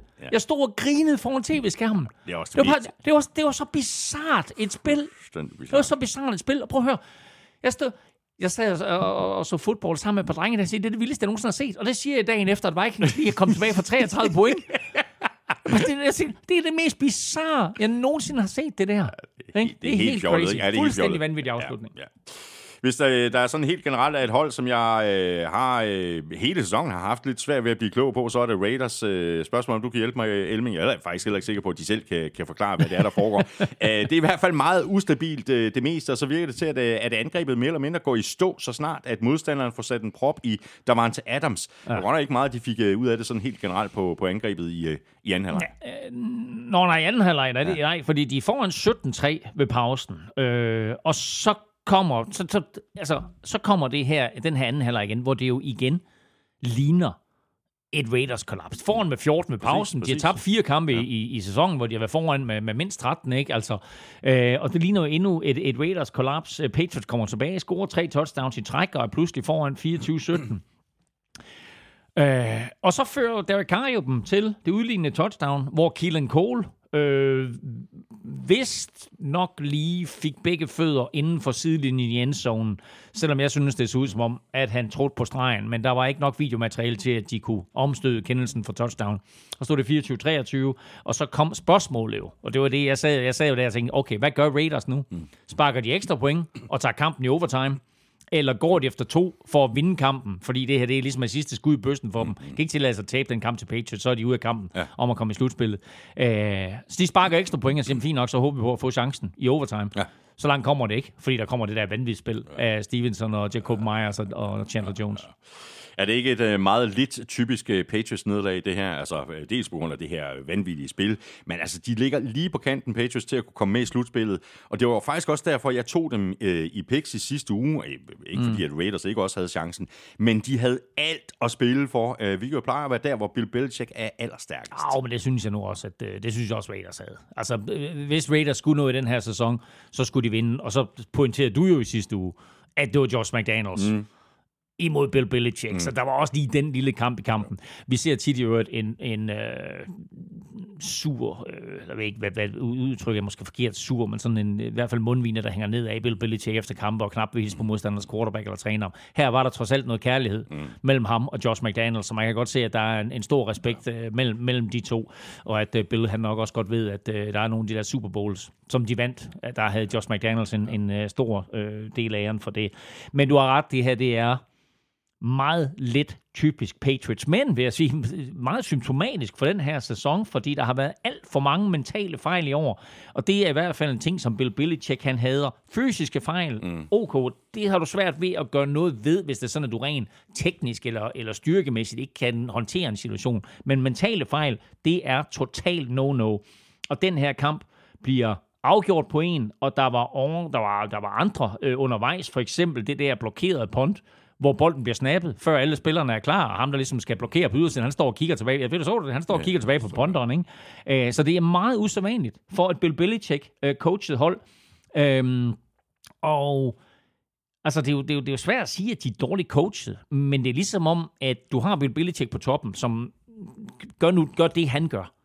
Men at der under ham i den næste øh, række af coaches, bare mangler noget kvalitet. Fordi det her Patriots-mandskab, det er uge efter uge, virker en lille bitte smule uforberedt. Og det er vanvittigt, ja, det er at, sige, præcis vanvittigt. vanvittigt at sige om, om ja. Patriots.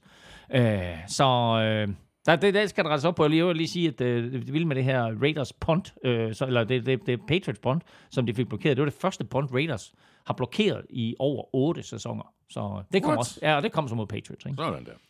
Patriots, de er 7-7. De spiller hjemme mod Bengals. Raiders, de er 6-8, og de spiller ud mod uh, Steelers. Så er vi fat i to andre hold, der også kæmper for en plads i slutspillet, nemlig Chargers og Titans. Og selvom det her langt fra var den uh, bedste kamp af Justin Herbert, han kastede blandt andet et par interceptions, så slog han til, da det galt, og uh, førte Chargers ned ad banen, rullede til højre og fandt Mike Williams langs den ene sidelinje, og så kunne Cameron Diggers efterfølgende smække... Digger. Han hedder bare Digger. Ikke Diggers. Han hedder bare Digger. Cameron Digger the Kicker. Digger the Kicker. Diggers ja. the Kicker. Nej, ikke Diggers. Digger. Digger the Kicker. Cameron Digger. Jeg ved ikke, hvorfor jeg har fået Nej. det på. Nej. Men han smækkede den i hvert fald op mellem stængerne. Det bliver vildere. Til en sejr. Det bliver bedre og bedre der. på 17-14. Digger op mellem stængerne. Nå. Uh, Chargers. Det er godt til jul om lidt. For fanden. no. Chargers har langt om længe fundet en kicker, som de kan stole på, hvilket jeg er tilbøjelig til at sige, at de ikke har haft siden Nate Kading. Uh, Dicker, the kicker, får lov at blive helten her, men tænk lige på, at Titans udlignede med 48 sekunder igen, og alligevel får Justin Herbert ført dem inden for field goal afstand. Uh, og det er det der sidste kast og catch fra Justin Herbert til Mike Williams. Det er der ikke mange, der kan gøre i NFL. Nej. Nu er øh, Chargers, øh, som jeg også lige var inde på, øh, ganske kort i begyndelsen af udsendelsen, altså på den rigtige side af stregen i forhold til slutspillet. Lige nu, der har de 6. seed i AFC. Dolphins er også 8 og 6 på syvende seedet, og så presser både Patriots og Jets på med 7 og 7. Uh, umiddelbart så har Chargers jo ikke det sværeste schedule tilbage, ude mod Colts og så hjemme mod Rams mm. og Broncos, så de bør vel selv kunne afgøre det her. De skal selv kunne afgøre det. Med den schedule, så har de klart det nemmeste program uh, af de der 7 hold, der ligger og kæmper om de tre wildcard-pladser. Uh, de er også ved at blive skadesfri på det helt rette tidspunkt. De var uden Dervin James i den her kamp, men han kommer tilbage, og det burde Joey Bosa og venstre tackle Rashawn Slater også gøre, så jeg glæder mig virkelig til at se det her Chargers-mandskab i playoffs. I forhold til uh, Titans, altså uden uh, Derrick Henry, så er der godt nok ikke meget at råbe hurra for på, øh, på, på Titans angreb. Uh, han er jo en uh, regulær enmands her, og så gjorde uh, ankelskaden til Ryan Tannehill selvfølgelig ikke uh, tingene lettere på angrebet. Han gik ud, og så kom han tilbage igen, uh, så ikke ligefrem, fordi han var, var super mobil at se på. Uh, spørgsmålet her fra Philip Kildegård, der underskriver sig som en frustreret Titans-fan. Han skriver sådan her til os.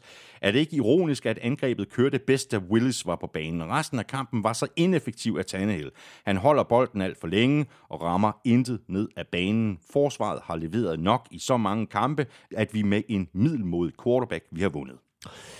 Øhm, vi har rost forsvaret rigtig meget i år, og øh, her gør de jo principielt også nok til at vinde kampen, men Titans angreb er en katastrofe, og øh, det hænger ikke kun på quarterbacken. Øh, deres manglende evne til at hente gode spillere ind i både free agency og draften inden sæsonen, samt at det, det faktum, at de mistede øh, A.J. Brown, har jo faktisk også kostet general manager John Robinson jobbet for et par uger siden, så udfordringerne stikker øh, lidt dybere øh, end bare på quarterback. Øh, jeg forstår for eksempel heller ikke den her kamp den offensive tilgang fra Titans. Øh, det er så tydeligt, at Chargers har kæmpe problemer med at stoppe Derrick Henry. Alligevel så kalder de flere kastespil, øh, hvor Tannehill for det første er sådan rimelig øh, immobil, øh, og Titans for det andet ikke rigtig har nogen spillere, som kan løbe sig fri. Altså der, deres bedste kastespil er jo dump off til, øh, til Derrick Henry, ja. og så et par, et par plays til ham med tight enden Chick Okonkwo, øh, som i kampen her jo mere eller mindre er deres bedste våben ned ad banen, og det skræmmer jo ikke nogen. Nej.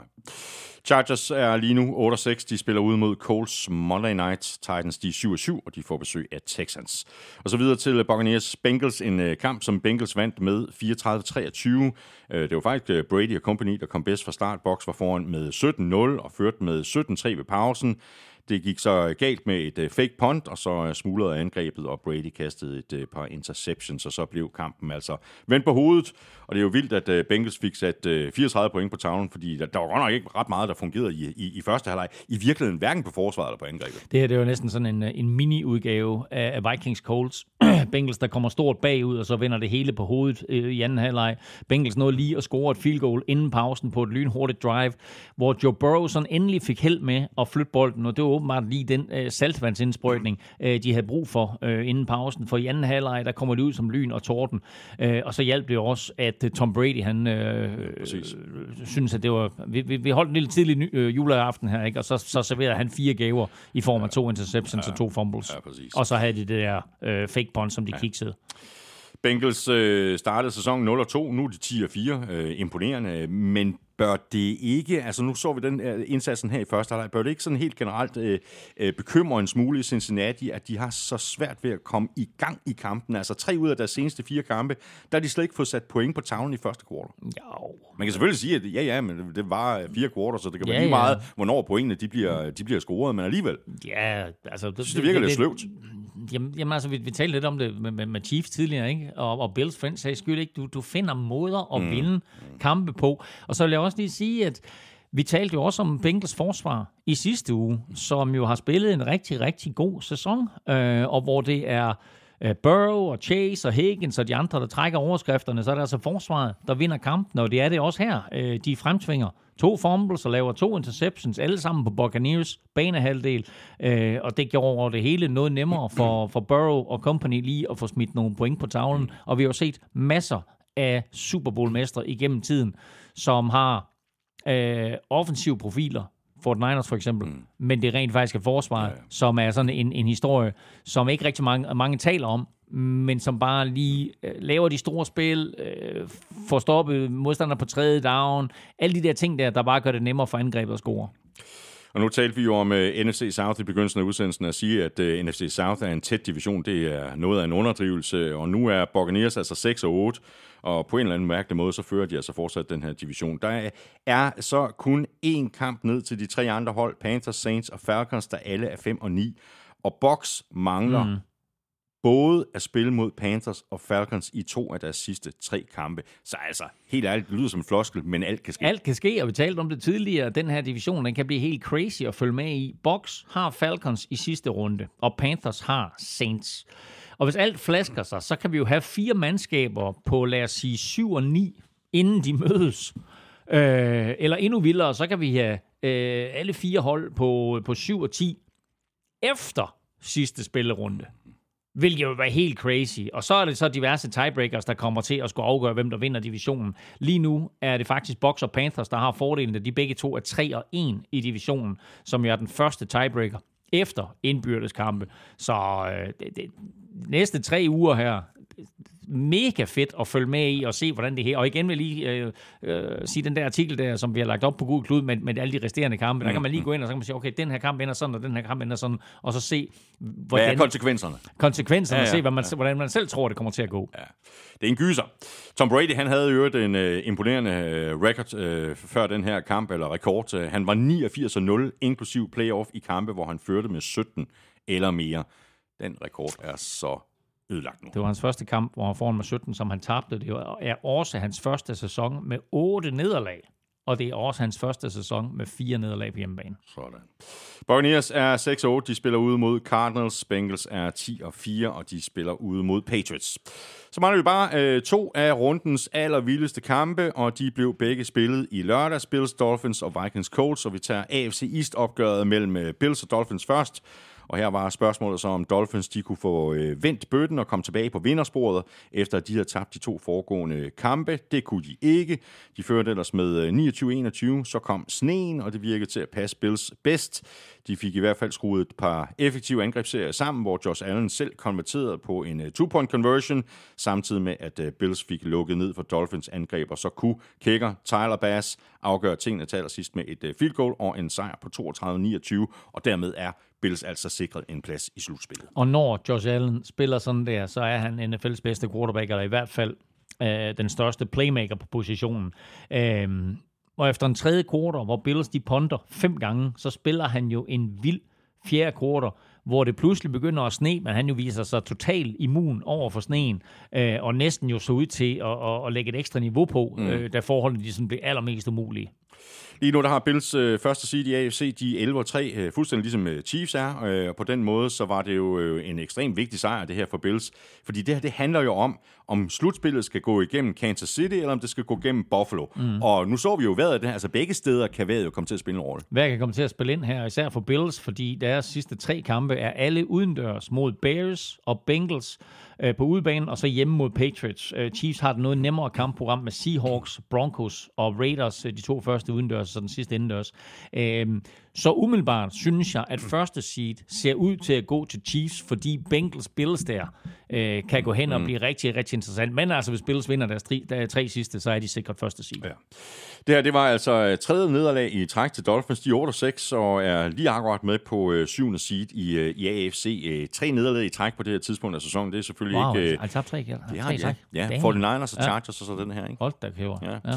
Øh, og det er selvfølgelig ikke optimalt øh, på det her tidspunkt af sæsonen, øh, men jeg synes faktisk, at angrebet lignede sig selv igen. Altså, de spillede i hvert fald bedre, end de har gjort i de to foregående kampe, altså de der to kampe Ja. mod 49ers og Chargers, hvor der ikke var så forfærdeligt meget, øh, der, der, der lykkedes. Øh, Raheem Mostert øh, ser også ud til at have ramt øh, topformen på det, på det rigtige tidspunkt. Så ikke første quarter ham. Ja, ja, og han spiller jo kun øh, så meget, fordi Jeff Wilson jo ja. øh, er skadet. Altså, hvis øh, det, Jeff Wilson er kommet ind for højre og har mere eller mindre omgående overtaget øh, starterpositionen, men øh, med ham ude, så er Raheem Mostert øh, starter. Øh, og i det hele taget synes jeg, at Dolphins spiller en rigtig, rigtig god kamp, men øh, de er op imod Josh Allen, Øh, og når han i, i, i det humør der, så er han jo tæt på umulig at have med at gøre. Øh, Tua spillede bedre, øh, langt bedre end da, end, end han gjorde i de seneste par kampe, og leverede et par lækre touchdown-kast til Tyreek Hill og Jalen Wardle. Mm. Men øh, selvom de var foran 29-21, så lykkedes det jo altså ikke for, for solskinsdrengene fra Florida at, at komme hjem med en sejr.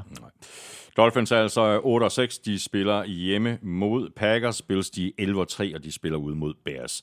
Og så mangler vi bare den mest vanvittige kamp. øh, måske ikke nogensinde, men i hvert fald i øh, uge 15 i 2022. Vikings Colts.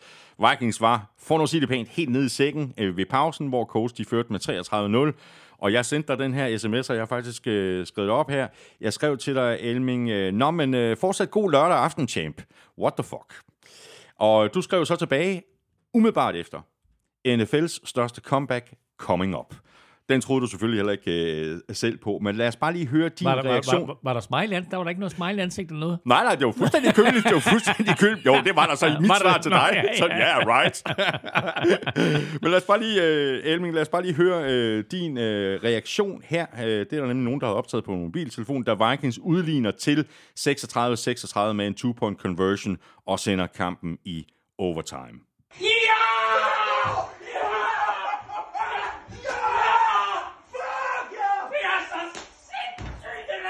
Og slap over i.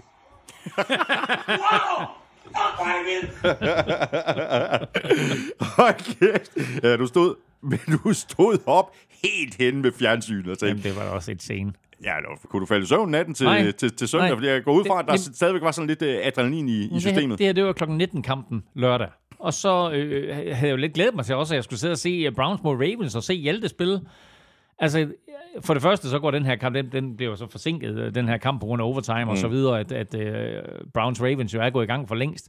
Og inden jeg får taget mig sammen, jeg skrev også en artikel på Gud Klud om kampen her og så videre, inden jeg er færdig med det hele, og inden jeg lige, du ved, har, er kommet ned, så er Browns Ravens ind i anden halvleg. Og jeg er bare sådan lidt, hold da kæft, og så sætter jeg mig ned og ser den kamp der, og jeg kan slet ikke fokusere på den. Nej. Og øh, så skriver jeg lidt med Jesper, og så skriver jeg, øh, øh, så skriver han tilbage, jeg går i seng, så siger jeg, hvordan kan du sove? altså, det var sådan, jeg havde det, Ja, ikke? Øh, og så tror jeg, at det øjeblik, jeg så øh, ramte puden, så var man simpelthen bare så udmattet, og så faldt jeg faktisk hurtigt i søvn, men, men, men altså vanvittige følelser, der går igennem kroppen der. Ja, det er klart. øh, Så, ja. Ja, og nu har vi jo nu talt om, øh, hvor, hvor vildt det her er, men altså helt ærligt, hvor, hvor, altså, hvordan i al verden kan det lade sig gøre? Altså, hvordan kan man spille så pivringe i første halvleg, og så lykkes det hele i anden halvleg, og man ender med at, at vende det hele på hovedet, og ender med at vinde kampen? Jamen nu, nu siger jeg noget, som godt kan virke underligt i mange søger, men var de så ringe endda, Vikings, eller ramt Colts bare ved Perfect Storm? De kommer foran med 33-0, men de scorer altså kun et offensivt touchdown i processen. De returnerer et blokeret punt til touchdown. De returnerer en interception til touchdown. Vikings bliver stoppet på 4. down og 1 på egen 31, fordi Kevin O'Connell han bliver lidt aggressiv. Han bliver lidt mere aggressiv og øh, laver et fake punt, som de så også misser, mm. og hvor Coles igen får bolden på 31'eren. Og begge de to gange, hvor de overtager bolden på 31'eren, der får de altså kun et field goal ud af det. Vikings forsvar scorede i øvrigt to touchdowns selv, som begge blev kaldt tilbage på dommerfejl. Så jeg synes ikke, de spillede helt skidt. Øh, men Vikings anden halvleg med 36 point, og især Kirk Cousins 413 kast yards efter pausen og fire touchdowns. Det er helt vanvittigt. Men der var så også behov for det. ja, det kan man roligt sige. Men, øh, men altså, øh, altså, så ringe var de ikke. Det stod bare pludselig 33-0, og så tænkte man, holy crap. Ja, hold det kæft. Og, og det kommer man øh, normalt øh, ikke tilbage fra. Øh. Men prøv at høre, Elming, det har vi jo snakket om flere gange, øh, det her med, at Vikings øh, de har vundet ekstremt mange tætte kampe øh, i år. Mm. Det her var mildt sagt også en tæt kamp, men den må jo føles helt, helt anderledes. Og man taler jo tit om det her med, med momentum i NFL, og den her sejr, mm. den må da give øh, samtlige spillere i Minnesota, altså øh, Vikings-spillere, tro på, at de kan gå hele vejen. Altså, de må, de, okay, vi er bagud 33 det er lige meget, vi kommer mm. tilbage og vinder, ikke? Jo, altså, det er crazy, ikke? fordi altså, selvfølgelig spillerne og trænerne og, og alle os fans, ikke? Altså, øh, da, da det står 20-0, tror jeg, der skriver Jesper, og der, jeg sidder på en tråd med min far og Jesper, og øh, der, der skriver Jesper også, jeg husker, der var nogen i Minnesota, der var inde og se en kamp, hvor de var bagud 20-0 ved pausen. Det var, der var jeg nemlig sammen med min far og min mor for 3-4 år siden imod Broncos. Og der kom de tilbage og vandt, ikke? Og det var sådan, at jeg har har, men der var heller ikke nogen, der, altså, okay, der var ikke nogen af os, der troede på, at man kunne vinde 33-0. Men, øh, men, men det lykkedes, og øh, jeg vil sige, Coles er ikke et særligt godt mandskab. Så kommer Vikings bagud med 33-0 mod et bedre hold og et klogere hold, mm. så kommer de ikke tilbage. Men det er vildt, at NFL-fans, øh, øh, også folk, der ikke er Bills eller Vikings-fans, men bare så kampen, for, hvad er det, 5-6 uger siden, talte om, at Bills-Vikings ville gå over i historien som en af de bedste kampe nogensinde. Og her, der leverer Vikings så rent faktisk NFL-historiens største comeback. 33 point.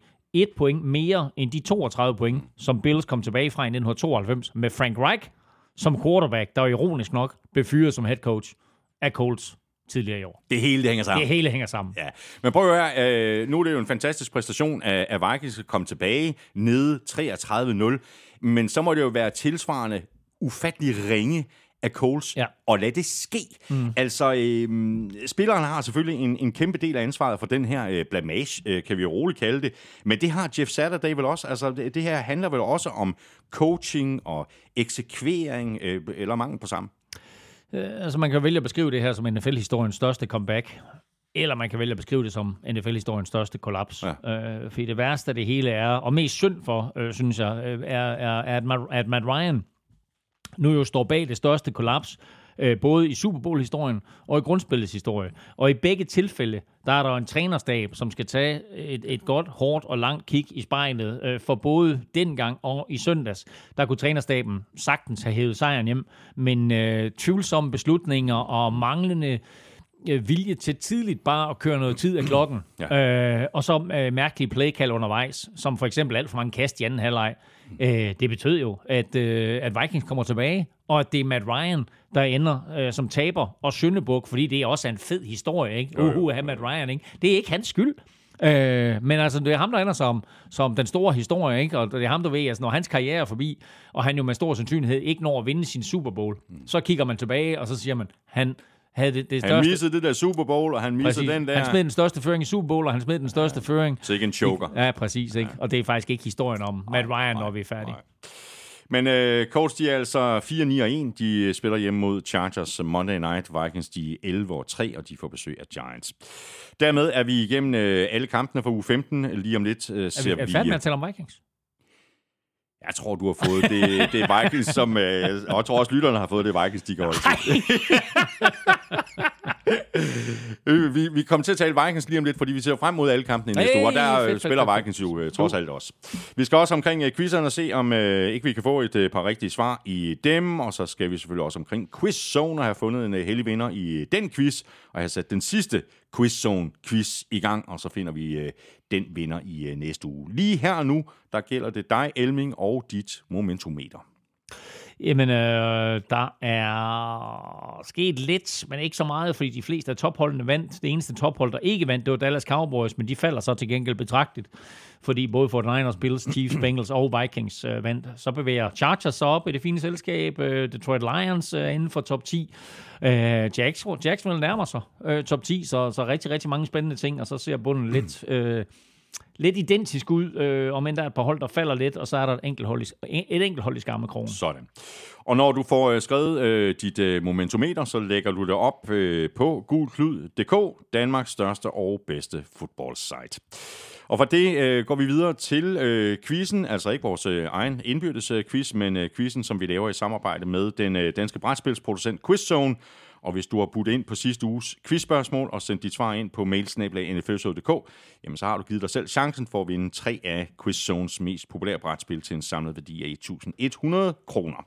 Spørgsmålet i sidste uge lød sådan her. Travis Kelsey er den nu blot femte tight end i historien til at gribe for 10.000 yards.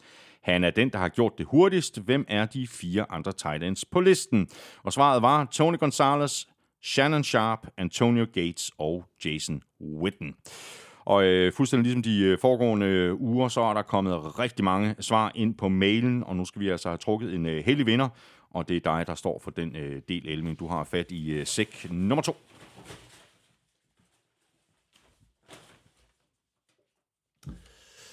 De fire Titans, som har 10.000 yards, Gonzalez, Witten, Gates og Shannon Sharp, fuldstændig rigtig svaret. Og så står der, tak fordi I trak mig. Jamen, det, Ja, selv tak. det, selv sagt, det var så let. Øh, Og det er Niels Ove. Det er godt. Niels Ove, du... Øh, jamen, øh, tak fordi I trak mig. Det er stærkt.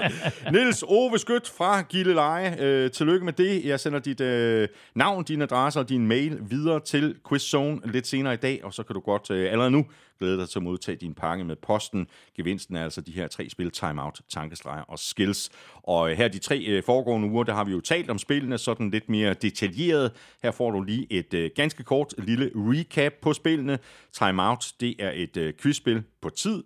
Det har vundet Bog og ID's pris for årets voksenspil. Så er der Skills, der sådan er et anderledes quizspil, hvor man quizzer på færdigheder frem for paratviden. Og så er der spillet, som vi talte om i sidste uge, nemlig tegnespillet Tankestreger. Og det har altså lige vundet legetøjsbranchens pris for årets voksenspil. Det kan sagtens spilles af hele familien. Børn helt ned til 8 år kan sagtens være med. Alle tre spil har det til fælles, at alle deltagere er med hele tiden, så der er altså ikke nogen, der sådan bliver sorteret fra undervejs og er tvunget til bare at sidde og, og kigge på. Det synes jeg faktisk virkelig er en, en kæmpe kvalitet. Tre fede spil, Elving. Helt sikkert, og det er da en af de ting, som, som de virkelig har tænkt ind i alle tre spil, nemlig det her med, at alle på en eller anden måde øh, øh deltager hele tiden. Øhm, jeg har spillet alle tre spil, og jeg tror, at min favorit af de tre øh, er Time Out. Det er også min favorit. Øhm, også bare fordi, der er, sådan noget, der er noget nyt elektronik over det, mm, som, øh, som man ikke har set i andre spil. Øh, og der er sådan noget, øh, bare, bare det der med, at der er den der tidsfaktor der. Det er den der stressfaktor, ikke? Det er lidt en stressfaktor. Ja, det er nemlig sjovt. Så, så jeg synes, alle tre spil er fede. Kan man godt lide at tegne, så er det helt klart uh, tankestreger, man skal til. Og uh, er man mere til sådan det lidt, lidt hurtig tankeproces omkring, hvor mange bogstaver er der her, og hvad giver det her regnestykke og sådan noget, så er det skills. Og ellers så vil jeg sige, uh, Timeout. Øh, virkelig fedt spil, som jeg helt sikkert også kommer til at tage med hjem til jul. Så det kan folk godt glæde sig til, at de skal spille, øh, de skal spille Timeout med mig hen over julen. Og det her, det øh, var altså øh, sidste gang, at vi har quiz zone med os, altså sådan helt officielt. Vi skal lige have stillet det sidste quizspørgsmål, hvilket altså betyder, at du har en sidste chance for at vinde de her tre spil. Spørgsmålet kommer her. Jeg teasede jo øh, lidt for det lidt, øh, lidt tidligere i udsendelsen. Lions øh, startede sæsonen 1 og 6. De er nu 7 og 7, og de har en chance for at nå med i øh, slutspillet. Det sidste hold til at komme med i slutspillet efter at have startet sæsonen med seks nederlag og en sejr er og det er så spørgsmålet. Ja, og det vilde af det hele var, at det var jeg faktisk ikke klar over. Øh, jeg troede, at øh, Chargers der i, hvornår var det, 91-92-agtigt, der startede 1 og 5, var det hold, der var startet dårligst om at komme i slutspillet. Men der er et hold fra er- 170. Det er der nemlig. Ja. Åh, oh, nu hjælper du mig. Nå, jeg Hvor er du en, shit. Ah, du er en flink fyr. Undskyld. Ah, ja, godt. Lidt hjælp fik du her. Øh, Du sender dit øh, bud ind på mailsnabelag.nflshow.dk. Skriv quizzone i emnefeltet, og i selve mailen skriver du dit øh, svar plus dit navn og adresse. Og vi trækker altså den sidste heldige vinder i næste uge, og det kan jo så øh, betragtes som en lidt forsinket julegave i hvert fald til den, som øh, vinder de her tre spil. Og i forhold til julen, jamen øh, så er den jo i øh, den grad lige rundt om hjørnet, så hvis du stadig mangler at købe en gave eller to, eller måske mangler en idé til øh, mandelgaven, jamen så er der altså masser af inspiration at hente på quizzone.dk. Og så kan du jo købe øh, spillene i Bog og ID. Det kan også være, at du kan finde nogle af dem øh, i øh, Bilka Føtex og Fætter BR, men Bog og ID er det sikreste sted at lede. De har nemlig alle spillene på hylderne. Kæmpe anbefaling på de tre spil herfra. Og øh, så skal vi se, om vi ikke kan få svarene i vores egen quizzer. Vi skal have quizzen! Åh, oh. Det er tid til quiz, quiz, quiz, quiz, quiz. Nå, Emling, dit øh, spørgsmål til mig. Jamen, det var TJ Watt, der Ja. nåede sit uh, sack nummer 75 ganske hurtigt, nemlig på blot 84 kampe. Men to spillere har faktisk gjort det hurtigere. Hvem er de? Ja, og det var da jeg sagde, at jeg mente, at jeg kunne den ene, og tror, jeg kan den anden. Øh, den ene er i... Jo, fordi jeg skulle sige, det er i hvert fald. Men det tror jeg, det er. Det er Brormand, det er JJ. Det er fuldstændig rigtigt. Han gjorde det to kampe hurtigere, så han brugte altså kun 82 kampe på sine første 75 sacks. Yes. Og så tror jeg, at vi skal en lille bit smule tilbage i tiden. Ikke vanvittigt øh, lang tid tilbage i øh, tiden. Øh, jeg har et navn lige på tungen. Øh, men kan du ikke bare lige øh, hjælpe med et af de... Han har spillet, hvad har han spillet for? To eller tre hold? Uh, han har spillet for... Nå, så kan jeg lige så godt sige det, fordi hvis det ikke, ellers skal jeg ikke øh, bevæge mod det her. Jo, jo, vi, vi kan holde spil for. Bare et af holdene. Øhm, jeg vil hellere sige til dig, at han har noget til fælles med Jakob Ellemann Jensen. Jakob Ellemann Jensen. Ja. Nå, hvad er det? En titel. Og vi er statsminister. Nå, udenrigsminister. Jamen altså, øh, det, det hjælper mig faktisk ikke rigtigt. Men det, det, det navn, jeg har på tungen, det er Nå, han, Reggie er uden, White. han er, uden, er han udenrigsminister? Nej, han er ikke udenrigsminister. Er Nej, nej, det er Løkke. Nej, det er Lykke. Ja. Det er Løkke, Ja. Hvad er han så? Jamen, han er forsvarsminister. Han er forsvarsminister. Ah, Minister of Defense. Minister of Defense. Reggie White. Reggie White, selvfølgelig. Og du havde det. Og det var, han startede jo karrieren for Eagles. Ja, og, Og- skiftede så til Packers. Så bliver han, så, så, som free agent kommer han jo så til Packers, og det er en af de største free agent uh, signings nogensinde. Uh, der er så kommet mange siden, som, som måske uh, tangerer uh, den, den, eller ikke en handel, jo, men det var en, et klubskifte. Men det var bare vildt på det tidspunkt der, mm. uh, at han skifter og kommer så i Super Bowl og laver uh, 3-6 i Super Bowl for, for, for, for Fort Niners, hvad vil jeg sige, mm. for Packers, og uh, vinder Super Bowl 31. Klassespiller, Hall of Famer. Han gjorde det lynhurtigt. Han, Og desværre afdøde jo. Ja. Ja, og han gjorde det nemlig rigtig hurtigt. Han gjorde Nogle af, omkring 70, 65 eller sådan Fem, noget. også 65. Ja. 65, wow. Ja, fuldstændig rigtigt. 65 kampe gjorde han det på, Reggie White.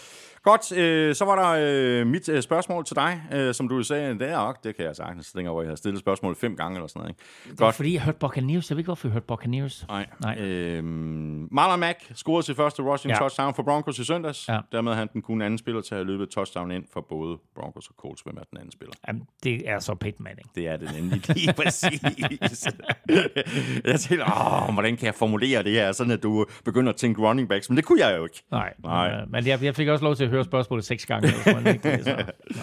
Godt, jamen øh, det slap vi jo øh, nogenlunde øh, heldigt fra, og nu skal vi så have sat vores øh, picks til 16. spillerunde. Er det bare mig, eller går, går den her sæson ikke bare vanvittigt hurtigt? Jo, altså nu er, vi, nu er vi lige pludselig der, det er sådan, at øh, nu kan vi begynde at skimme slutspillet og så videre, ikke? Så ja. jeg synes også, det er gået meget, meget stærkt. Og så hentede du øh, to på mig i, øh, i Jo, uge ja. 15. Jeps, du, Wow, øh, nå. du vandt runden øh, 13-11. Hold da op. Øh, det bringer så den samlede stilling op på 140-128. Godt, så har jeg dig. Det, nu, nu er jeg presset. Ja. Nu er jeg presset. Øh, vi tager kampene fra en øh, ende af, og vi starter selvfølgelig med Thursday Night-kampen Jets-Jaguars. Og der vil man jo virkelig gerne Det vil man vide, rigtig gerne vide. om Mike White han spillede eller ej. ja. ja. Hvilket er vildt at sige, ikke? Jo. Det skulle jo også have været kampen mellem nummer 1 og nummer 2 i draften fra sidste år. Trevor Lawrence mm. imod Zach Wilson. Øh, det kan det stadigvæk godt gå hen Det og blive. det, det kan sagtens. Ja. Nå, du får lov at vælge først. Ja. Oh, jeg er meget i tvivl. Så lad mig. Lad Jamen, jeg, jeg siger Jets. Så får du lov til at sige Jaguars. Gør du det? Du siger Jets? Wow, wow. Nå, jamen, så tager jeg Jaguars. Ravens Falcons. ja, i, altså nu, de, Ravens uden Lamar Jackson. Øhm, og jeg synes i det hele taget ikke, at de sådan har sprudlet hen over den seneste Nej. måneds tid. Nej. Det synes jeg faktisk ikke, de har. Nej. Men jeg tager dem alligevel. På Gør du hjemmebane. Ja. Nå, så tager jeg Falcons. ja, det kan jeg godt forstå, Ja. ja. Panthers Lions. Oh, uh, Ja, jeg tager Lions. Ja, jeg har også Lions. Bears Bills. Bills. Bills. Browns Saints. Det er Cleveland Browns. Tak. Jeg går med Browns. Um, ja. Du går med Browns. Crazy, crazy, crazy. Um, jeg tager Saints. Okay, interesting. Chiefs Seahawks. Chiefs. Chiefs. Vikings Giants. Vikings. Hvilken kamp juleaften. ikke? De bliver, de bliver sure på mig, når jeg siger, tak for er kl. 19, og så sætter mig ind foran Åh, fjernsynet. oh, der er vel andre i din familie, der også godt vil være med til at se lidt Ja, fodbold. må ikke, må ikke. Um, åh, jeg synes, det er svært. Jeg siger Vikings, Hvorfor synes du, den er svær? fordi Giants er gode. Du tager Vikings også, eller hvad? Jeg tager Vikings. Nå, nå, okay, fint. Patriots Bengals. Ja, jeg siger Bengals. Det gør jeg også. Titans Texans. Mm, Ja, Titans. Ja, men den er tricky. Ja, den er super tricky. Ja. Uh, altså, som, som vi talte om tidligere i dag, ikke? Altså, Cowboys og Chiefs uh, har begge to haft problemer mod Texans. Og Titans spiller ikke sådan super godt i øjeblikket. Er lidt i krise. Skal selvfølgelig vinde den her kamp, Ja, hvis de skal præcis. holde Jaguars stangen. Ja. Jeg siger også, oh, her, jeg siger Titans. 49ers Commanders. Niners. 49ers. Cowboys Eagles. Jeg siger Cowboys. Jeg har også skrevet Cowboys. Nej, du har ikke. Lad være med at være sådan der. Se der. Ikke, ej, du Kan du spiller, se det? Kæft, du spiller sikkert. Du spiller så sikkert. Er det at spille sikkert? Det er det da. Ikke? Du tager bare det samme, som jeg tager. Hvordan fanden er jeg så kommet foran med 12? Du har snydt. Ja. Nå, okay, det er fint, om så tager jeg ikke til. Jeg tror faktisk, Cowboys vinder. Nej, men så tag da Nej, Cowboys. så tager jeg Eagles. Nå, det er godt. Det ender med, at det bliver den, du vinder på. Nå, ja. Steelers Raiders. Steelers Raiders. Det er lidt sjovt. Um, det er jo faktisk altså lidt der, som for, for 50 år siden, så er det jo rent faktisk en slutspilskamp. Altså, der er ikke nogen af dem, der har råd til at tabe. Nej, det er der ikke. Uh, jeg siger Raiders. Okay, så siger jeg Steelers. Stærkt. Dolphins Packers. Dolphins. Dolphins. Nu må de komme igen, ikke? Ja. Rams Broncos. Rams. Broncos. Wow. Cardinals Buccaneers. Der har vi også et hold, der, der, der kæmper for at komme med. Ja, Ja, ej, det er- jamen, så jeg siger Buccaneers. Jeg siger Box. Øh, så mangler vi kun en enkelt kamp. Det er Coast Chargers. Chargers. Chargers. Sådan der. Det var det. Øh, tak for det, Emling. Glædelig jul. I lige måde, og glædelig jul. Jeg går ud fra, at uh, turen går til, til Jylland. Jeg, øh, jeg tager smut til Jylland, jeg skal holde jul med Jesper og familien. Um, Du må hilse mange gange. Øh, Ja. ja. Både øh, Jæver og, og hele familien, og din far, alle der er med. Ja, mange tak, mange tak, og god jul til jer også her i øh, Rødovre. Tak for det. Og øh, tak til dig, fordi du lyttede med. Hvis du synes om det, vi laver, og godt kunne tænke dig, at vi bliver ved med at gøre det, så smut lige omkring øh, nflshowet.dk og tryk på linket til øh, tier.dk og støt os med et øh, valgfrit øh, beløb. Det gør ikke ondt, og du kan melde fra igen når som helst. Linket ligger i øvrigt lige ved siden af linket til shoppen, hvor du køber lidt af vores merchandise. Du kan også stikke os en anmeldelse, helst en af dem med øh, fem store stjerner, enten i Apple Podcast eller i Spotify. Tak til alle, der allerede har givet os en anmeldelse. Tak til alle, der støtter, og tak til alle, der har været forbi shoppen og handlet lidt. Tak også til vores øh, gode venner og øh, faste samarbejdspartnere fra Tafel og Otted fra Danske Licens Spil. Husk at støtte dem, de støtter nemlig os. Og i forhold til øh, Otted, Husk, at man skal være minimum 18 år og spille med omtanke. Har du brug for hjælp til spilafhængighed, så kontakt Spillemyndighedens hjælpelinje Stop Spillet eller udluk dig via Rufus. Regler og vilkår gælder. Også tak til øh, QuizZone for at være med os igen i dag. Du kan købe alle deres spil i bog og idé, og hvis du vil have lidt øh, inspiration, for eksempel til julegaver, eller til øh, mandelgaven, eller måske en hvert indegave, så kan du tjekke alle spillene ud på quizzone.dk. Hvis du vil i kontakt med os, hvis du har spørgsmål eller kommentarer, så kan du række ud efter os på mailsnablag.nflshow.dk, og du kan også fange os på Facebook, Instagram og Twitter. Følg Elming på Twitter på snablag NFLming, Michael følg på snablag Thomas Kvartrup. Tak for nu. Vi høres ved i næste uge. Glædelig jul, og hov, husk så lige øh, Peter Korsmed og Kaptajn Kirk lige om lidt. Glædelig jul. NFL-showet er produceret af Kvartrup Media, der også producerer PL-showet, Golf-showet og Born Unplugged. PL-showet lander i de feed hver mandag, og drengene er 100% tilbage efter VM. Golf-showet er klar hver tirsdag morgen, og lyt lige ind til interviewet med Thomas Bjørn, det er super. Born Unplugged er gået på juleferie. Husk lige Velropa-podcasten, hvis du er til cykelsport, og så er Elming og jeg ellers tilbage igen næste uge. Ha' det godt så længe. Hot odds.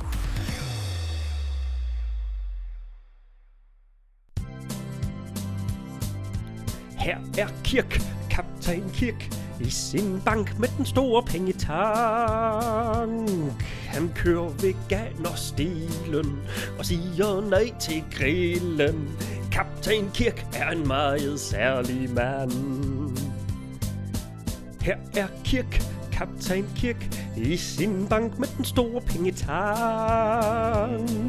Han spiser kun salat og siger you like that. Captain Kirk er en meget sælsom mand. Han sidder i sin bank med sin pengetank. Han mødes med et skrald, hvor end han kommer måske.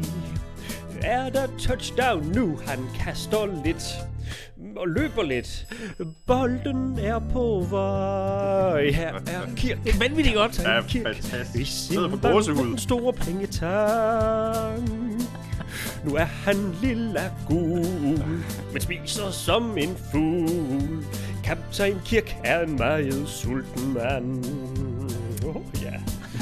Åh, oh, gamle Kirk. Og må jeg ikke bare tilføje, at det er en fornøjelse at kunne hylde fodbold on med det lyriske forarbejde af herr Amstrup. Altså, det, det er jeg har det præcis lige så privilegeret som de 16 kunstnere, Kjell Haik har stopfodret med mere eller mindre vellykkede Grand Prix-basker. Altså, det er en stor ære for mig.